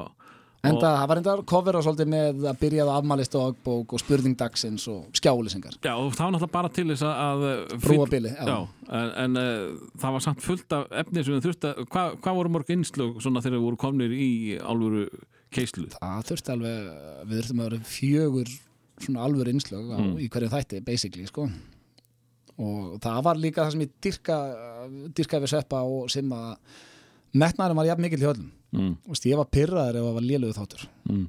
og það var bara ok, næstu þáttur verður að En, en ferli var uh, uh, sko þið voru að taka upp fyrir daginn þess að daginn eftir það ekki? Tók, tóku við upp í hátteginu það ekki? Jú, setti tekið upp í hátteginu og þá var sagt dag, segjum að sé þriðdagar og fyrir við settið. Þá voru búin að taka upp atriðin á mándi mm. og spilum þau, tölum um þau settinu og svo þurfum við bara strax eftir setti klukkan tvö að fara að taka upp fyrir næsta dag og þið fenguð ekkit sko, þið voruð ekki merkilegustu menninir í húsinu á þessum tíma. Nei, langt í frá. að mati þeirra sem stjórnuðu eða unnuð þarna. Uh, þið fenguð uh, Ástæðan fyrir að við vorum alltaf að taka upp í hátteginu var að því að þá voru íþróttafréttamenn í pásu. Já, voru ekki nýta stúdíu þetta var sem sagt íþróttarfettamanna stúdíó, pínulítið sem að þeir voru að nota til að döbba eða hvað? Já, döbba og lesin og eitthvað hérna, döbba og líka bara þeir voru að lýsa þar sko. Já. Uh, og það Já, var en það var líka hérna, auðvitað út af tæknimennindir Við vorum ekki með, við vorum með Þóró hann var eini tæknimenn okkar, hann tók allt upp því að það fór allir í mat. Þá máttu við taka upp. Þannig að þeir sko, þegar allir voru í pásu Já. þá, þá, fengur þeir að skjótast inn Já, til að gera ykkar þátt. Já, og svo var þessi þáttur byrjar að á sínum tíma byrjar að þjána meira í auglýsingatekjum heldur en allar útastöðandi samans og samt var þetta ennþá alltaf bara í hátíðinu samt eh, voruð þið trýtaði svona Já, áfram sem var bara fínt, maður var mannus en, en uh, það, það voru einhverju áreistarar uh, milli ykkar og uh, íþróttarfrétta manna Já, á köflum? Var, þeir þóldu okkur ekki sko. Af það var eitt að þetta sem er svona langminnistæðast. Og þá erum við nýbúin að taka upp og semst, nýbúin að fara út að taka upp og þá þeir voru að fara að lýsa Ísland-Tjekkland og hann byrjaði 1745 þannig að við erum uppi að fara með efni og þá heyri ég þetta magg bara það er ekkert hægt að lýsa inn í þessu ógeði hérna. Eitthvað, við erum að fá gesti hérna eftir hvað það djöfisins vitleist er þetta? Þá var þetta sami dagur og við fáum súrströmming í stúdíu fræga síldin Já, og það er svona einhver úldin síld frá Svíþjóð og hún var það vond að við ætlum að setja hann í ógeðstrykk að hérna, þegar við opnum hana þá eldi ég, Mm. við gátum ekki og þetta atrið er á best of tvö held ég, að við smökkum aldrei að því að það var svo hrikalega vond líkt þessu að við þurftum allir að fara úr stúdíónu meiri sér sveppi. Já, Sveppi gæta ekki, sko. sveppi, með stálmagan sinn sko. sko, hann getur getið lifandi kongul og, Já, og tala réttilega. tullu Já, og, hleyið það lyktin að það var hræðileg. Já, og það var einhver eldgömmel dó sko. ég get ekki ímynda mér hvað, hvaða lykt þetta er að því sko, ég man hann ennþá í dag. Ég veit hvað sveppi getur. Já, þú ert náttúrulega gikkur og ældir yfir öllu og vældir yfir öllu. Já, það var svolítið mitt hlutverk að það Æl og væla En það var, ég man ennþá hvernig þetta líktaði sko. En svo var líka, það var ekkit bara þarna Það var, ég ældi einhvern veginn í skóu minn og það var úgeðslega gubbulykt til lítið út Þeir þóldu okkur ekki sko. það er líka svolítið sérstætt sambandið eh, þá sérstaklega þitt og uh, höndamag Já, við verðum vinir svo í sendi já og uh, sko þú hefur no- notað hann mikið í eh, þínum þáttum er að því ég hef alltaf Mér er alltaf fyndist að hötta svo komiskur. Já, Hann er mjög fyndin Að tala við hötta þegar hann er reyðið upp sögur og svona er bara mjög fyndin einstaklingu finnst mér sko. og við náttúrulega, það eru nokkur klassísk atrið, við náttúrulega vekjum hann. Hann var í strákunum, hann fórum með paintballbissur þarna heim til hans. Það er eina skipti í sjónarspil sem ég hef verið hrættur af því ég held að hann væri að fá hjartaafall hann bara rúlla allir í rúmmun og augun veginn, ég bara höfði þetta er við, þetta er við. Þá held ég alveg að hann hefði fengið hjartaafall og En, en sko, hvern, hvernig tók hann þessu off camera? Eh, Hann hefur ekki verið bara flottir high five. nei, það var hérna, jú hann tók allt til að það, það var þegar við byrjuðum með dagskálið sem hétt Höddabögg Mm. sem að gekk bara basically út að hérna, bögga hötta, plasta bílinn hans og eitthvað svona, þá gafst hann upp. Þá hafði hann samband við trúnaðamann fyrirtækisins og Já, við þurftum að hætta þessu. Og ég bast hann bara innilega ásökunum því það hefur alltaf verið í öllum þáttum sem við, höfum verið að gera á aldrei að vera særa eða, Nei, nei, nei, og um leið og hann sagði bara en hann kom ekki til okkar og sagði það það er bara trúnaðamaður sem kallar okkur fund og ég fór bara til hötta bara strax bara, herri, við vorum að tala hérna við trúnaðamannin og hann bara, já þetta er orðið alltaf mikið bara, ég er on stressaður bara allstæðara sem ég er. Og ég bara, herri, fyrir geðu þá bara, það er átt að segja okkur þetta bara að við hefum bara hætt. Eh, Ég man, sko, ég náttúrulega var að vinna hérna, eh, frá á þessum tíma uh, þegar, sko, þið eru konir vel í gang. Og, og hérna sko, þið voru alltaf að, eitthvað gríkja hvernig annan. Uh, hvað þetta hét allt saman. Vinnustæðarhekkur Já, vinnustæðarhekkur og þið voru sko að sprauta sinnebi hinga og þanga og tóma rúst bara allt í rúst. Svo fóru þið bara inn á skrifstofun ykkar og, skildu þetta eftir bara fyrir Já, við fengum nú stundum að heyra þegar það var allt í kveiti eða eitthvað og, og það var svona, menn það var, ég líka sakna þessa tím og þetta fannst mér skemmtilegt tími í sjónarfi að mæta bara hann alltaf og allt svo bara látið svo hálfviti Já. í nokkra klukkutíma og svo bara heim, Svo bara heim. Já.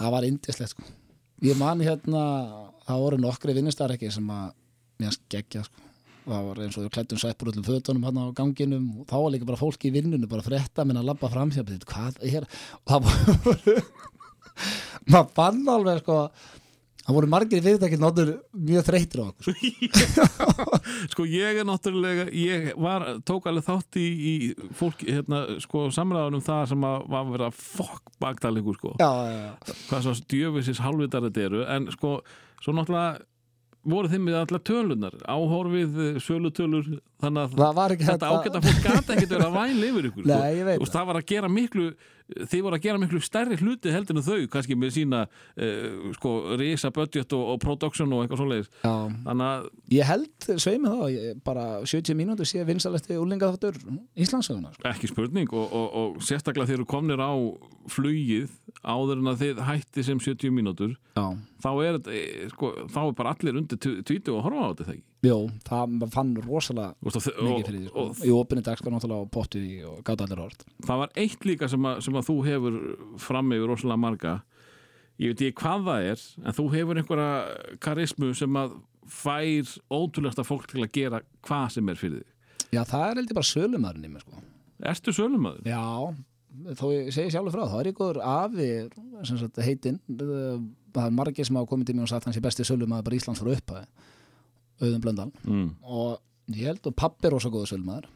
Þetta er, það er sölumennska í því að plata fólk til að taka þátt sko. Já, ég meina þú varst með fórsetisar á þeirra að drekka og geist ekki. Já, svo líka var trikk hjá mér oft í, í 70 mínúti ég man líka var með bara gestastjórnendur. Mm, þá var sem sagt simmi í baknagnarleifi og sveppi. Mm, þannig ég var bara einn með þáttinn.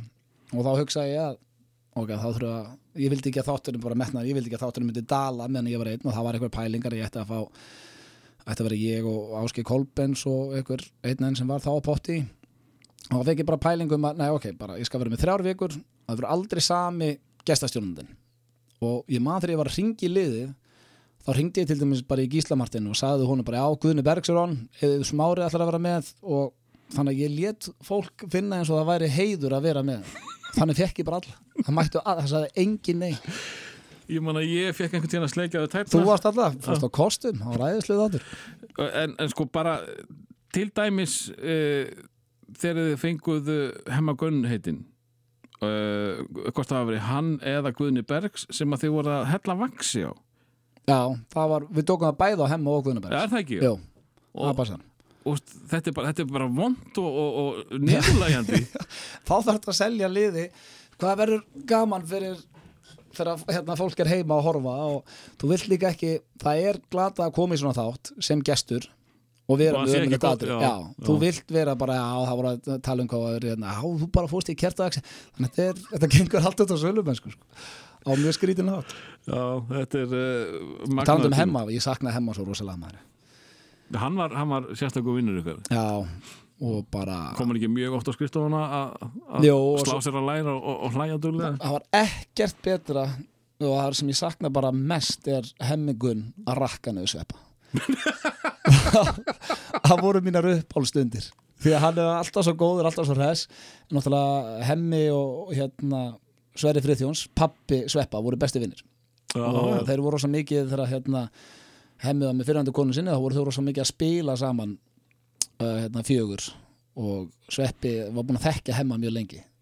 Þannig að hérna, það var æðislegt að heyra hemma gunn vera að rakka niður Sveppa hvað hann væri ógeðsluður það var svona mínar uppálstundir. Uh, Svo náttúrulega tengdustu líka mikið hérna, okkar ástarlasta íþróttamanni á þeim tíma, Eðis Mára uh, hversu, hversu stór var hann þegar þið er að fylgjónum þið fórum með hann til Barcelona líka eða ekki? Jú, í atvinnumönum okkar, Já, náttúrulega bara súpist þarna. Og er enn eða lappa með í Barcelona eða í London og þá er hópa staðanum sko.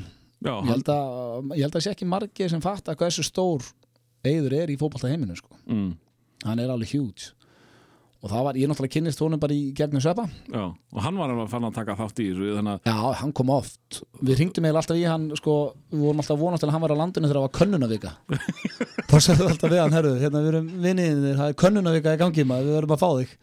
Og hann var alltaf til og það var líka eitt sem böggaði íþróttafrétta minna rosalega. Hann var frekar með ykkur hann mætti aldrei viðtöl nefndi aldrei að koma inn í íþróttaþætti en kom svo bara til okkar og var með hárkolla sipa sko. þannig að það fór líka í töður hann uh, Er svo strákandi beint framald af þessu? Já, strákarnir í taka strax við á 70 mínútum. Pét, Pétur er náttúrulega komið með okkur í, í 70 mínútur hann í lokin. Já, af hverju, af hverju hættið þið með 70 myndur okkur langaði bara að stækja þetta eins stærri stöð og eitthvað? Já, vera bara í 25 mínútur. Mm. og þá voru við líka bara fjóri sem við viku. Og fengum miklu meira budget bara til að gera hluti og okkur fannst það bara svona rétt stökk á þeim tíma. Já, og þið takið, takið uh, Pétur úr, úr útdarpinu frá mér já, það er endar í 70 Það Hann- er í 70 já, hann er með okkur síðasta halvári í 70 mínútum Já, ok áður en við förum í strákana Og, og, og svo, það er í strákanum sem að Pétur í rauninu verður bara súperstjarnar sko. já, já. hann bara yfirtók þann þátt var svo fyndin sko. hann var náttúrulega stjarnar þegar hann kom fram en hann var ekki, hann gætt gengið niður lögavegin Já. En, en sko þarna komu öll börnin líka og já, og úlingar og já, hann svolítið, hann svolítið hérna sló okkur aðeins utanundir og svo stakki ég meira. Svo fáið samlokuna og, og alla albestið það ekki? Já, en það var sko, bara þeir fóru á kostum, en mér fannst alltaf með, það sem að bögga með mest með strákana var að, ég hef líkt í áður við, mér fannst það eins og veinsvöld, mm. af því að 70 mínútur var svona, strákarnir var eiginlega 70 mínútur nema, það var í, í kvikmyndinu veinsvöld og þá voru þeir að horfa þegar það var búið að sponsa og svo rosalega, þá bara voru þeir að horfa á The Basement og hann segi, that's Wayne's Basement, but that ain't Wayne's Basement, að þetta var allt orðið svo stærra og meira og, Mm. og mér fannst það svolítið með strákana. Að þá þetta var það sem vildum en samt sakna ég bara einfaldleikans í, í 70 mínútum. Og, og, og uh, springur ekki eiginlega konsepti þegar það eru orðnið svona stór og, og produksinu er orðin svona mikil. Jú, líka bara komin þreita í sérstaklega mér Svepp og Pétur. Og þá erum við búin að vera að gera það sama bara svo lengi. Og okkur langaði svolítið að fara að gera eitthvað nýtt sko. Uh, á einhverju tíma uh, einhverju tímapunkti þá hérna ferð þú í uh, svona einleik Já, tippatal. Já, þá var búið að vera hérna píkusögur. Og þú fer í tippatalið? Já, þetta var í rauninni einleikur sem var keiftur utan og hétt Cocktails. Mm. en það var ekkert eitthvað að höfu hérna, píkusögum sko, þetta var bara eitthvað ástralst leikrit sem var búin að ganga rosalega vel bæði í bandarækjanum og, Ástralíu og Siggi Sigjóns leikstýri, það var aðeinslegt þar, þar kynnist í honum og við erum ennþá góði vinnir í dag Hvernig, hvernig kemur það til? Uh, varst þú fengin í þetta? Er þetta þín hugmynd? Nei, ég var bara fenginn og fekk raunin bara fyrir hverja sýningu sko og státt ekkert í þessu eða neitt sko En hvað hérna, eh, hvernig var það fyrir þig að fara með svona texta? Uh, var, var þetta bara uppístandi eða var þetta leikþáttur? Ég, ég sá þetta ekki. Nei, þetta var leikþáttur bara en uh, í svona stand-up anda þannig sé mm, ég er raunin aldrei erfitt með að læra texta hana það gekk bara vel sko. Mm. fannst það skemmtilegt. Uh, ég, sko, eins og ég sagði, ég sá þetta ekki en uh, ágættu drengur sagði mér já, hann, svo, svo, svo, svo, hann gagnið þetta fyrir mig sem að fekk uh, mig til þess að fara ekki á þetta. Já, hann sagði, þetta er fínt en þetta er engin hellisbúi já, og þá hugsaði ég þá þetta er svona svipuðum tíma. Já, og mér finnst hellisbúin ekki góður sko. Nei, að ég var svona Ég var svona alveg stoltur af sýningunni sko. og það var mikið leið og hún, var, hún gekk vel sko. Mhm. og hafði mér gaman að þessu. En ég veit ekki hvort ég myndi vilja vera með einleik aftur í dag. En að leika bara, úst, fyrir utan einhverja sketsa sem að þú varst að skrifa sjálfur, væru til að leika í bíó, væru til að fara á svið? Já, við myndi ekki hafa tíma fyrir svið eins og staðan í dag Mm. en myndi híklaust til að prófa Mér finnst rosalega gaman að leika Já. og langar að gera meira af því sko. Uh, einhver staðar þarna inn í þessu öllu saman uh, ferði í tekin. Já, það er bara strax eftir strákana Það er strax eftir strákana? Já. Það var það ekki fyrir? Nei, það Ok. var bara þegar við erum allir að fara og þá byrja ég með tekin og Pétur fyrir í nætuættina Mm. og Sveppurinn fyrir bara í badnaðinni Já. En það var líka bara, veist, við vorum alltaf góða vinnir en okkur, við vorum bara komin leið á því að vera að láta henda okkur í gegnum rúður og, en samt svo er maður á leiðinni fyrir aðbyrðiska draumi núna þetta fer allt í ringi sko. en þá langaði okkur bara að fara að gera eitthvað nýtt sko. En það, það var líka uh, success. já, það gekk mjög vel Ég var verið gaman að- taka þátt í því. mjög svo En þú varst lítið í, þú gast náttúrulega ekkert verið mikið að leika þess. Þú varst alltaf Nei. með einhverja aðra til þess að þú stjórnaði þeim bara. já, ég var með, hérna, þau voru bara með í eiranu Mm. og ég var svona basically að segja bara hvað að gera menn að voru að rekja þekta Íslendinga sko. Mm. og það það mjög skemmtilegt sko, gekk vel Uh, er ekki átt að segja að eftirminnilegasta hlutekið hafi verið uh, Hjörvar Háleðarsson að kenna latta að vera latti það er svo misjant hvað ég heyri Jaha. Mér fannst það geggjaða skets Mér fannst hérna náttúrulega einn vinsalast á YouTube er Ásker Kolbeins sem að var hvað áttur þá var hann hérna var barþjóðn að reyna við Ásker um, hérna, kom frá Ástralíu og var að, hérna voru að plata áskil það já, já. og bara Ásker var komin bera ofan í lok sketsin sko. Ásker er svo góð manneski, hann vildi ekki segja nei hverju var að reyna við hann. Svo fannst með Bó Haldós indislegt Hvað gerðu hann? Hann var hann að árita já, sína og hún var hann að stelpa hann alltaf að bögga hann bara, Ég var bara eh. svo pyrrað með Björgvin Ég, það er sann svo indislegt að sjá Björgvin Halldórsson vera að segja við starfsmann búðarinnar og hann var náttúrulega okkar bandið starfsmann líka bara, hann bara, hvað, hvað er stelpan að gera? Hvað er stelpan að gera? Hún er bara eitthvað veik og geði Nú, hvernig þá? Hvernig þá? Bara, hvað er þetta að gera? Hvað? Og þegar hann fyrir að leika stelpuna þá bara, ég táraðist og hlátri og, og svo náttúrulega líka atunumennir það, það er eh, svona einna stóru sigrunniður Já, það er eitt af því sem ég svona Hver var það að pródusera þetta með? Var það Hannes? Já, hann er svo leikstjóri og, og Gunnar Jarl hérna dómari var pródusent alveg rétt. Og það var hérna, það fannst mér rosa gaman að því að þá var engi fýblaskapur bara svona spjalla við liðið og að því ég er náttúrulega svo mikið íþrótt áhuga maður sko. Mhm. og fá að hitta Óla Stefanna á Spáni og Eismara náttúrulega og Guðjón Val og... Þetta var líka rosalega þakklátt efni sko að því maður maður sá kannski mestilega tvekja mínútna viðtal við þessa menn strax Já. eftir leika eitthvað slis maður vissi ekkert hvernig fólk þetta var Nei, það þannig var, að fær maður að, að gerast svona lítil húsfluga í smá stund já, og það var, hún var tilnæmt til hérna Eddu og ég var reynda mjög svektuð þegar unnum hann ekki því að ég var mjög stoltur sko. mm. Og það var líka bara gaman að fá að veist, þeim fannst líka að því að þetta var ekki íþróttafrættum að tala við þá þeim fannst voða þægilegt að geta að spjalla bara við eitthvað trúð þarna og menn opnuðu sig og ég var mjög náma Mm uh, Svo náttúrulega uh, ferðu líka í útarpi það mun síðar. Já, það Eh, byrjaði 2011 hvað hérna og hvað er meira að- að gerast uh, eftir atunumennina það er náttúrulega að svína súpan að þurfum í 70 mínúndum Já, og hún var náma með það. Svo fyrir við í tekin, svo var það atunmennir uh, Ödd og Sveppi. Já, það var eitthvað svona stuttu þáttu bara einu sinni viku, þegar ekki? Já. og svo hvað, ég er að glemma ykkur svo byrja bara ameríski draumurinn til dæla að snemma. Já, fyrir svo í uh, svo ég í útarpið og þaðan í Ísland og talent. Af hverju hérna, af hverju fórst í útarpið? Ég var beðin um það það var bara Pálmi hérna fyrir miðumæðurinn minn Já. kom til mín og hérna, þá var ég ekki búin að vera í sjónvarpi einhverja fjóra-fimm mánu og er á föstun launu bara hjá fyrirtækinu og sagðist vera með verkefni fyrir mig og, og hvort ég getur verið með hérna, vikulegan þátt á FM 957 En varst ekki oftar í viku til að byrja með? Jó, eða sem sagt á hverjum degi fyrst sko. Já, hérna, hérna já, og mér leist ekkit allt og vel á það, ég fekk alveg pinn í magan fannst ég verið eitthvað sjónvastjarna og mm. það fyrir neðan þíðan Já, mér bara vitleysingurinn ég þá fannst það svona í pínu stund en svo fór ég bara heim af því hann baði mig um að sofa sig og svara sér svo daginn eftir. Og svo fór ég heim og ég var andaka bara. Var til svona 6-7 morgunin að skrifa niður bara fullt af hugmyndum og þá fann ég bara, ok, ég get gert þetta vel. Ef ég fæ að gera þetta eins og ég vill gera þetta þá er ég til. Mm. og ég fyrir og hitti hann og hann bara ok og hvað viltu gera, því að hann búin að segja líka við mig að þyrfti ekkert að hann ætlaði ekki að auglýsa þetta ætlaði bara svona að lega mér ís into it þannig að vera engin press á þættinum og svona bara fólk myndi að bara svona frétta þetta er hvergi auglýst. Mm. bara myndi svona frétta bara já, auðvitað byrjar hérna á FM og ég fílaði það ekki sko. Þá fannst mér það bara eins og ég væri komin eitthvað á rock bottom bara að vera að fela mig eitthvað það þannig að ég vildi bara fara akkurat hinn að liðina og, og gera lag og vídeo um ég væri að fara á sjónvarsby í útarp og fá þess að drengi með mér og hann félst á það sem betur verið en þú varst ekkert að fá uh, sko Jóa Lagarnum með þér. Nei, þú fóst beint í einhverja hákalla já. Já, samt sko náttúrulega Hjörvar Haflega var nú ekki þekktur útvarsmaður eða grínisti þá. Nei. en svo, já, það var náttúrulega Björn Bræi, Sveppi Egil og Hjörvar, já. Og hvað þá, þeir skiptust uh, Já, Björn Bræði var á mánudöfum, Sveppi þriðudöfum svo var ég alltaf með gestastjórnundur á miðugudöfum Hjöppi á fimmtudöfum og Egil á föstum mm, og það fannst mér líka mjög skemmtilegt að hitta alltaf nýjan og nýjan. Mm.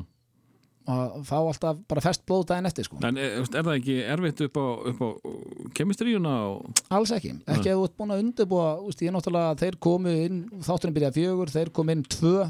Þá var ég búin að vera frá nýju að undirbúa bara hvað við ættum að gera og hvaða hérna, topic myndi vera með og þannig að þetta var inn, og þægilegt fyrir þá, þeir löpuðu bara svolítið inn í já, komið þeim með lítið sjálfur til, nei, samt ekki, þeir auðu náttúrulega alla vikuna til að hugsa hvað þeir langaði að gera. Já, og ég var með svona þau malpötta reglu að ég vildi fá allavega tvo dagskrálið alltaf frá hverjum. Mm. og það bara gekk mjög vel sko. og þetta, þetta var samt ekkert í svo langan tíma sem þú varst með daglega. Það var alveg Það- tvö og halda ár. Það var í 2,5 ár? Varst ekkert í sjónarspunum með það?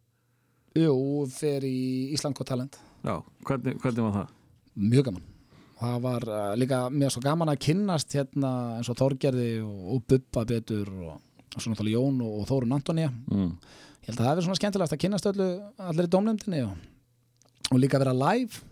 Ég hef aldrei verið live í sjónvarpi. Nei. mér fannst það skemmtilegt kick.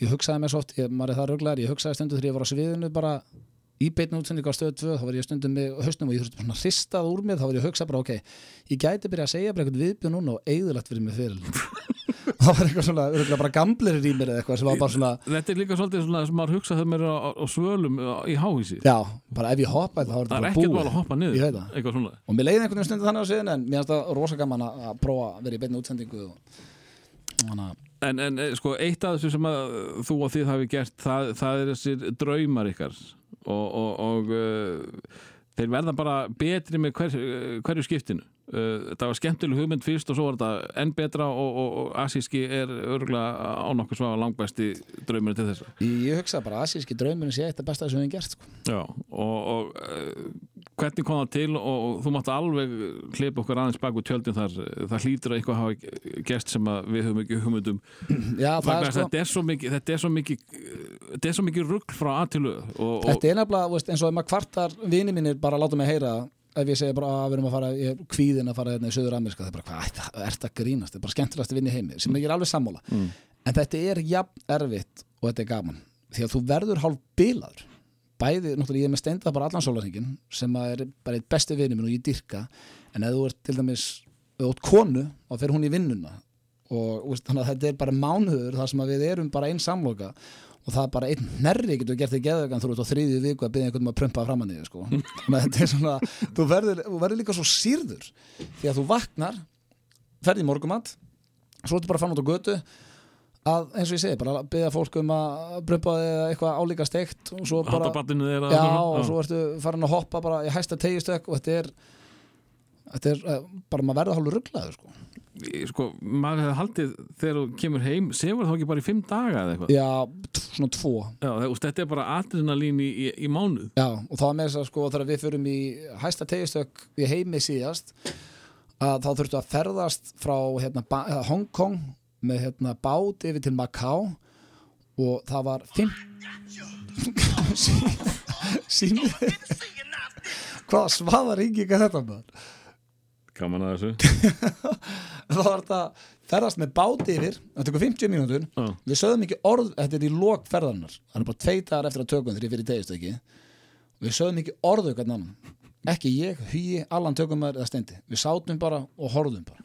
Það var ekkert þungt yfir ykkur þau voru bara búnir eða hvað bara búinir að það. Ég, hérna, er, ég veit ekki hvort það þetta er einhver staðar komið fram en Pétur og Sveppi neitu að fara út síðastu tökuna ha, og bara búnir bara andlega. Bara lúlla reyna þær og fara að safna stegum bara nei. Þau bara gátt ekki mér en það töpuður já, nákvæmlega. Uh, en hérna En, en sko, það sem við fáum að sjá er náttúrulega ekki nema gleð og gaman og, og, og stanslust stuð. Uh, en hérna þið, þið, þurfa að taka upp hvað áttaþætti hvað, hvað, hvað er þetta, 40 myndur eða eitthvað? Já, já, já 40 mínútur þáttur cirka Já, og uh, það hlýtur að vera þá ansi mikið efni eh, sem að þið þurfa að geta valið úr. Já, og þú getur rétt ímyndaði mér það er ótrúlega mikið eins og hérna, bara einn sena sem að, við, sem að fór aldrei í þáttinn. Þá var ég og Steindar en að safna fólki í partí mm. og við vorum til tvö um nóttina.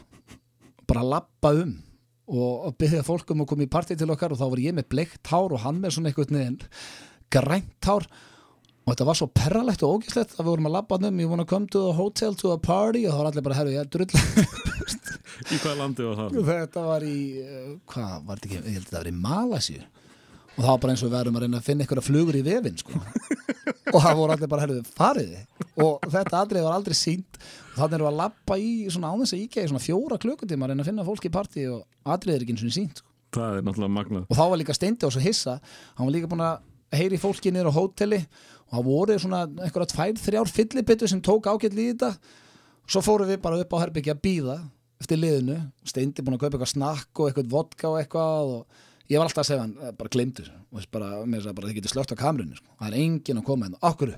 Af hverju, af hverju heldur og bara horfða á sem begli, hver heldur þessi fara að koma hérna upp á herbyggja fjóruðu hæð á ykkur hóteli eitthvað partí til okkar? Og Steindi hann er bara svo góð mannski og býst við öllu góðu frá fólki þannig að það var svona 90 mínútum eftir að við vorum búin að, að, við að sitja í svona 90 mínútur í sófanum hérna, að fá okkur einu og eina flögu og ekkert að segja sem að Steindi segir að ég held að sé enginn að koma. Nei, really, heldur að sé enginn heldur að sé enginn að koma. Og þá var maður svo þreytur á alveg því við vorum búin að labba svo mikið saman og hann orðin þreytur á mér. Þa- Þannig að eh, eftir svona sérska mánu þá, þá hérna ertu búin að fá nóg að, þínu manni. Já, hann mér held ég líka. Ég held að það væri bara með alla En, en hérna hefur ekkert komið til greina að uh, skipta ykkur upp? Jú, það var alveg pæling en svo einhvern veginn það er erfitt eftir síðasta draum. Já, því að þetta var held ég bara einhver mest ár sem við höfum fengið bara í mörg mörg ár. Mm. Og við, sem sagt, þeir vunnu evróska drauminn, Svepp og Pétur. Við vunum asíska, þannig að þetta söður ameríski átt að vera bara svona pínu úslitin sko. Er eitthvað eftir? Afríka, Já, Ástralía. Þá var það komið held ég. Ekki með fyrir á söður sko, eða hvað sem Já það það var rosa skemmtilegt. Ég ætla til að núl Hérna ég, ef að það að þú hafur eh, svona gert ráð fyrir því þegar þú varst unglingur og, jafnvel uh, komin í, í fjölmila að þú myndir uh, verða í framtíðinni mikið að fara upp á svið og, og, og syngja og leika fyrir, fyrir fólk? Nei, ég, ég, núna mann ég af hverju ég, hérna, ég er svo búin að ákveða að þú hafi verið svona falskur þú komst til okkur einhvern veginn í Ding Dong að syngja karaoke. Já, hræðilegt. Og söngst hérna, hérna einmitt krít Já, og það var ekki gott sko. With arms wide open. Já. Já. og, og uh, þá, þá hugsaði maður ok, hann er fínn í mörgu en þetta er ekki hans. Það var líka sko eins og með þjóðhátti mm. að við fórum hérna að sjá Sverri Bergman syngja þjóðhátti þá var ég með systrum minnum í, í Dalnum.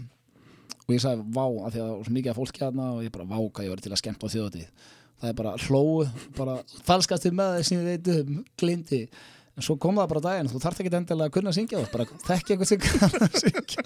Þá getur þú tróðið þér veist, hvernig því, sko, þetta verður alltaf betra og betra. Veist, kom álur í lag sko, Crazy Bastard var nú ekki besta lag í heimi. Það er svona stemming og, og þar þurftur ekki að syngja endilega þetta var meira sjátt át en uh, í uh, hérna, nýjum fimm blöðlæginu þá ertu nú aðeins fann að syngja það ekki Já, það er svona ég líka æfði það Já, bara vel fyrir og Sverri Bergman hjálpaði mér og leiðum að fór svona að fá smá singing lessons að þá þá er þetta léttar að halda tón og svona en þú veist, maður verður aldrei góður að syngja sko. En þið eru alveg, er ekki bara komin tvö í röð þjóðantélög eða er vel meira? Nei, það er að kom eitt fyrir þrejum árum, svo gerum við ekkert árið eftir og svo gerum við eitt í fyrra Eitt í vera, ok. Já. Þannig að uh, þú ert að, fara að vinna svolítið með tónlistina.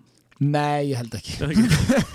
það er ekki plata liðinu. Nei, fólk sér ekki úr brosið sko. Fólk heldur bara núna og hefur að spyrja með eitthvað alvöru. Ég veit þetta á kveikindískapur það er kannski að maður gefa út jólablötu Nei, það er ekki það kemur engin plata. Og veit alveg að það er engin tónlistumæður með bara gaman eins og þú ert að skemmt á Í- Þú, þú heldur að ég sé að dissa því, sem er ekki, því, sko, jú, Þetta er bara basically til að búa til stemmingu sko, já, fyrir atriðinu. ertu, ertu meira svona bara hæpmann uh, já, og lætur uh, svessan um að að já gera alla, alla klikka? er eins og hérna síðasta þjóðatíla hérna, þjóðatíð býður mm, Þetta er basically bara ég að vera markasmaður Já, þetta er sölumæðurinn Já, þetta er sölumæðurinn meira heldur en söngari sko. mm. Þetta er bara til þess að búa til hæp fyrir atriðina því við vorum búin að vera ári í röð sko. Og svo ertu með þykka til þess að nikla á það og eitthvað? Já, ég, Ekki er hann merkilegu söngvari hann er ennþá mjög lélur og hann getur ekki haldið tón. Þannig að ég telst góður söngur við hliðina á því gerfi Eh, En þetta samband við þykka það, sko, það breytir þér svolítið mikið að því uh, þú nú alltaf litið út fyrir að vera í fínu formi en uh, þá ertu bara grannur en núna ertu búin að vera að blása þig út í, í mörg ár og, og það, er bara, það er bara fastur liður í þinni tilveru að uh, rífi í játnin eins og Já, hann eh, kynni mig friði og sagði við mig hérna að maður myndi fá svo miklu orkaði mm. og ég bara er endalust þakklátti fyrir að hérna, hann hafi dreigið mig í það því að eins og í dag ef ég fyrir ekki ræktina þá finn ég verið hún svona sippin bara um þrjú fjöguleitið og þannig ég þarf eiginlega fyrir ræktina bara til að fá orku sko. og finnst það bara orku gaman. fyrir eh, fyrir daginn, já, Já. um leiðum bara ef þetta er orðið svona að pínu lífstíl hjá þér að þá getur ekki hægt sko. En, en þessi haugur sem þú varst já, hvernig, hvernig nær hann að reka hann út? hann bara ég er bara mjög góð þjálfari Mm. peppandi og ég myndi hvetja fólk til að kíkja í, í þjálfun hjá hann sko. Mm. því að hann alveg svona, hann færði til að fá áhuga á þessu svo bara, ég held þetta, það er ekki bara ég ég held þessi hellingur að liði sem að þekki það hafi ekki nefnt fyrstu skiptin og svo bara að þú pínið hans áfram og það ferði að hafa gaman að þessu. Mm og, og þú varst ekki maður sem pýndið það áfram þannig að þetta er, þetta er þroskinn. Já, þetta er sem betur fer. Haugurinn er að, hann er nánast dáinn inni í mér. Uh, Þetta fer nú að vera komið gott hjá okkur. Uh, sko, það er eitthvað sem mannst eftir sem á Já, ég fann að kvíða bara hvað ég er búin að vera að segja hérna í byrjuð þáttur Nei, bara... nei, nei, nei, þú ættir að heyri steindamaður. Já, já, ok. Það er eini þátturinn sem að ég þarf að búa til einhverja tilkynningu uh, um að láta ekki börn hlusta á þá er ég góður. Uh, Eitthvað enda á einhverju sem að, sem að lýsir auðvitaðnum í dag hvað hann er að hlusta á og Hvað, lag, hvað tónlistan á hlusta í dag? já, Ég eitthvað er svo mikil aðlæta sko Já, Það er góð spurning maður? Við getum alltaf enda bara á, á einum uh, grimmum auðaslagara sko. Já, sko, ég myndi, það er eitt ef við, að því við vorum svona farið við ferilinn Já, þá held ég að sé eitt lag sem að hefur gert meira fyrir mig heldur en nokkuð annar lag. Nú? Já, og hefur hjálpað hérna greiðlega meira svo þegar ég var að sækja um á potti. Og það er lagið Always. Því að ég breytti textanum á því án þín Er það fyrst, kemstu fyrst í, í umræðina þar eða? Nei, en þá léki myndbandu var að kasta mér eitthvað grindverk og bússa fannst það eitthvað fyndið í myndbandinu og það hjálpaði um að ég fekk að fara í falda myndaðal hjá Simóðin En, en þú hérna semur textan fyrir Já. Svessan eða ekki Já. og það er áður en á ferði bóttíð eða ekki Jú. Þannig að Það er hérna á svipun tíma, þá var ég basically var sölur að mín að ég lendi öðru seti finnast mann Íslands og sami textan á þín sem var þá vinsalasta laga landsins hræðilega að svín virkaði. Já, þetta hafðist. Eða taka þá uh, Jovi eða viltu Já, ég hugsa að þetta maður taka bara Bon Jovi always. Takk kærlega fyrir að sitja hérna með mér Takk fyrir að fá mig vinnur.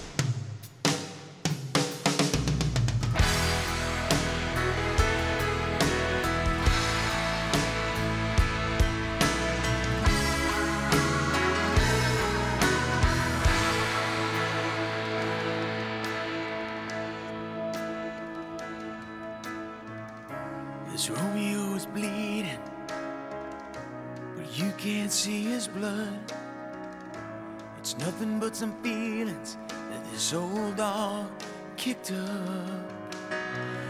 It's been raining since you left me. Now I'm drowning in the flood.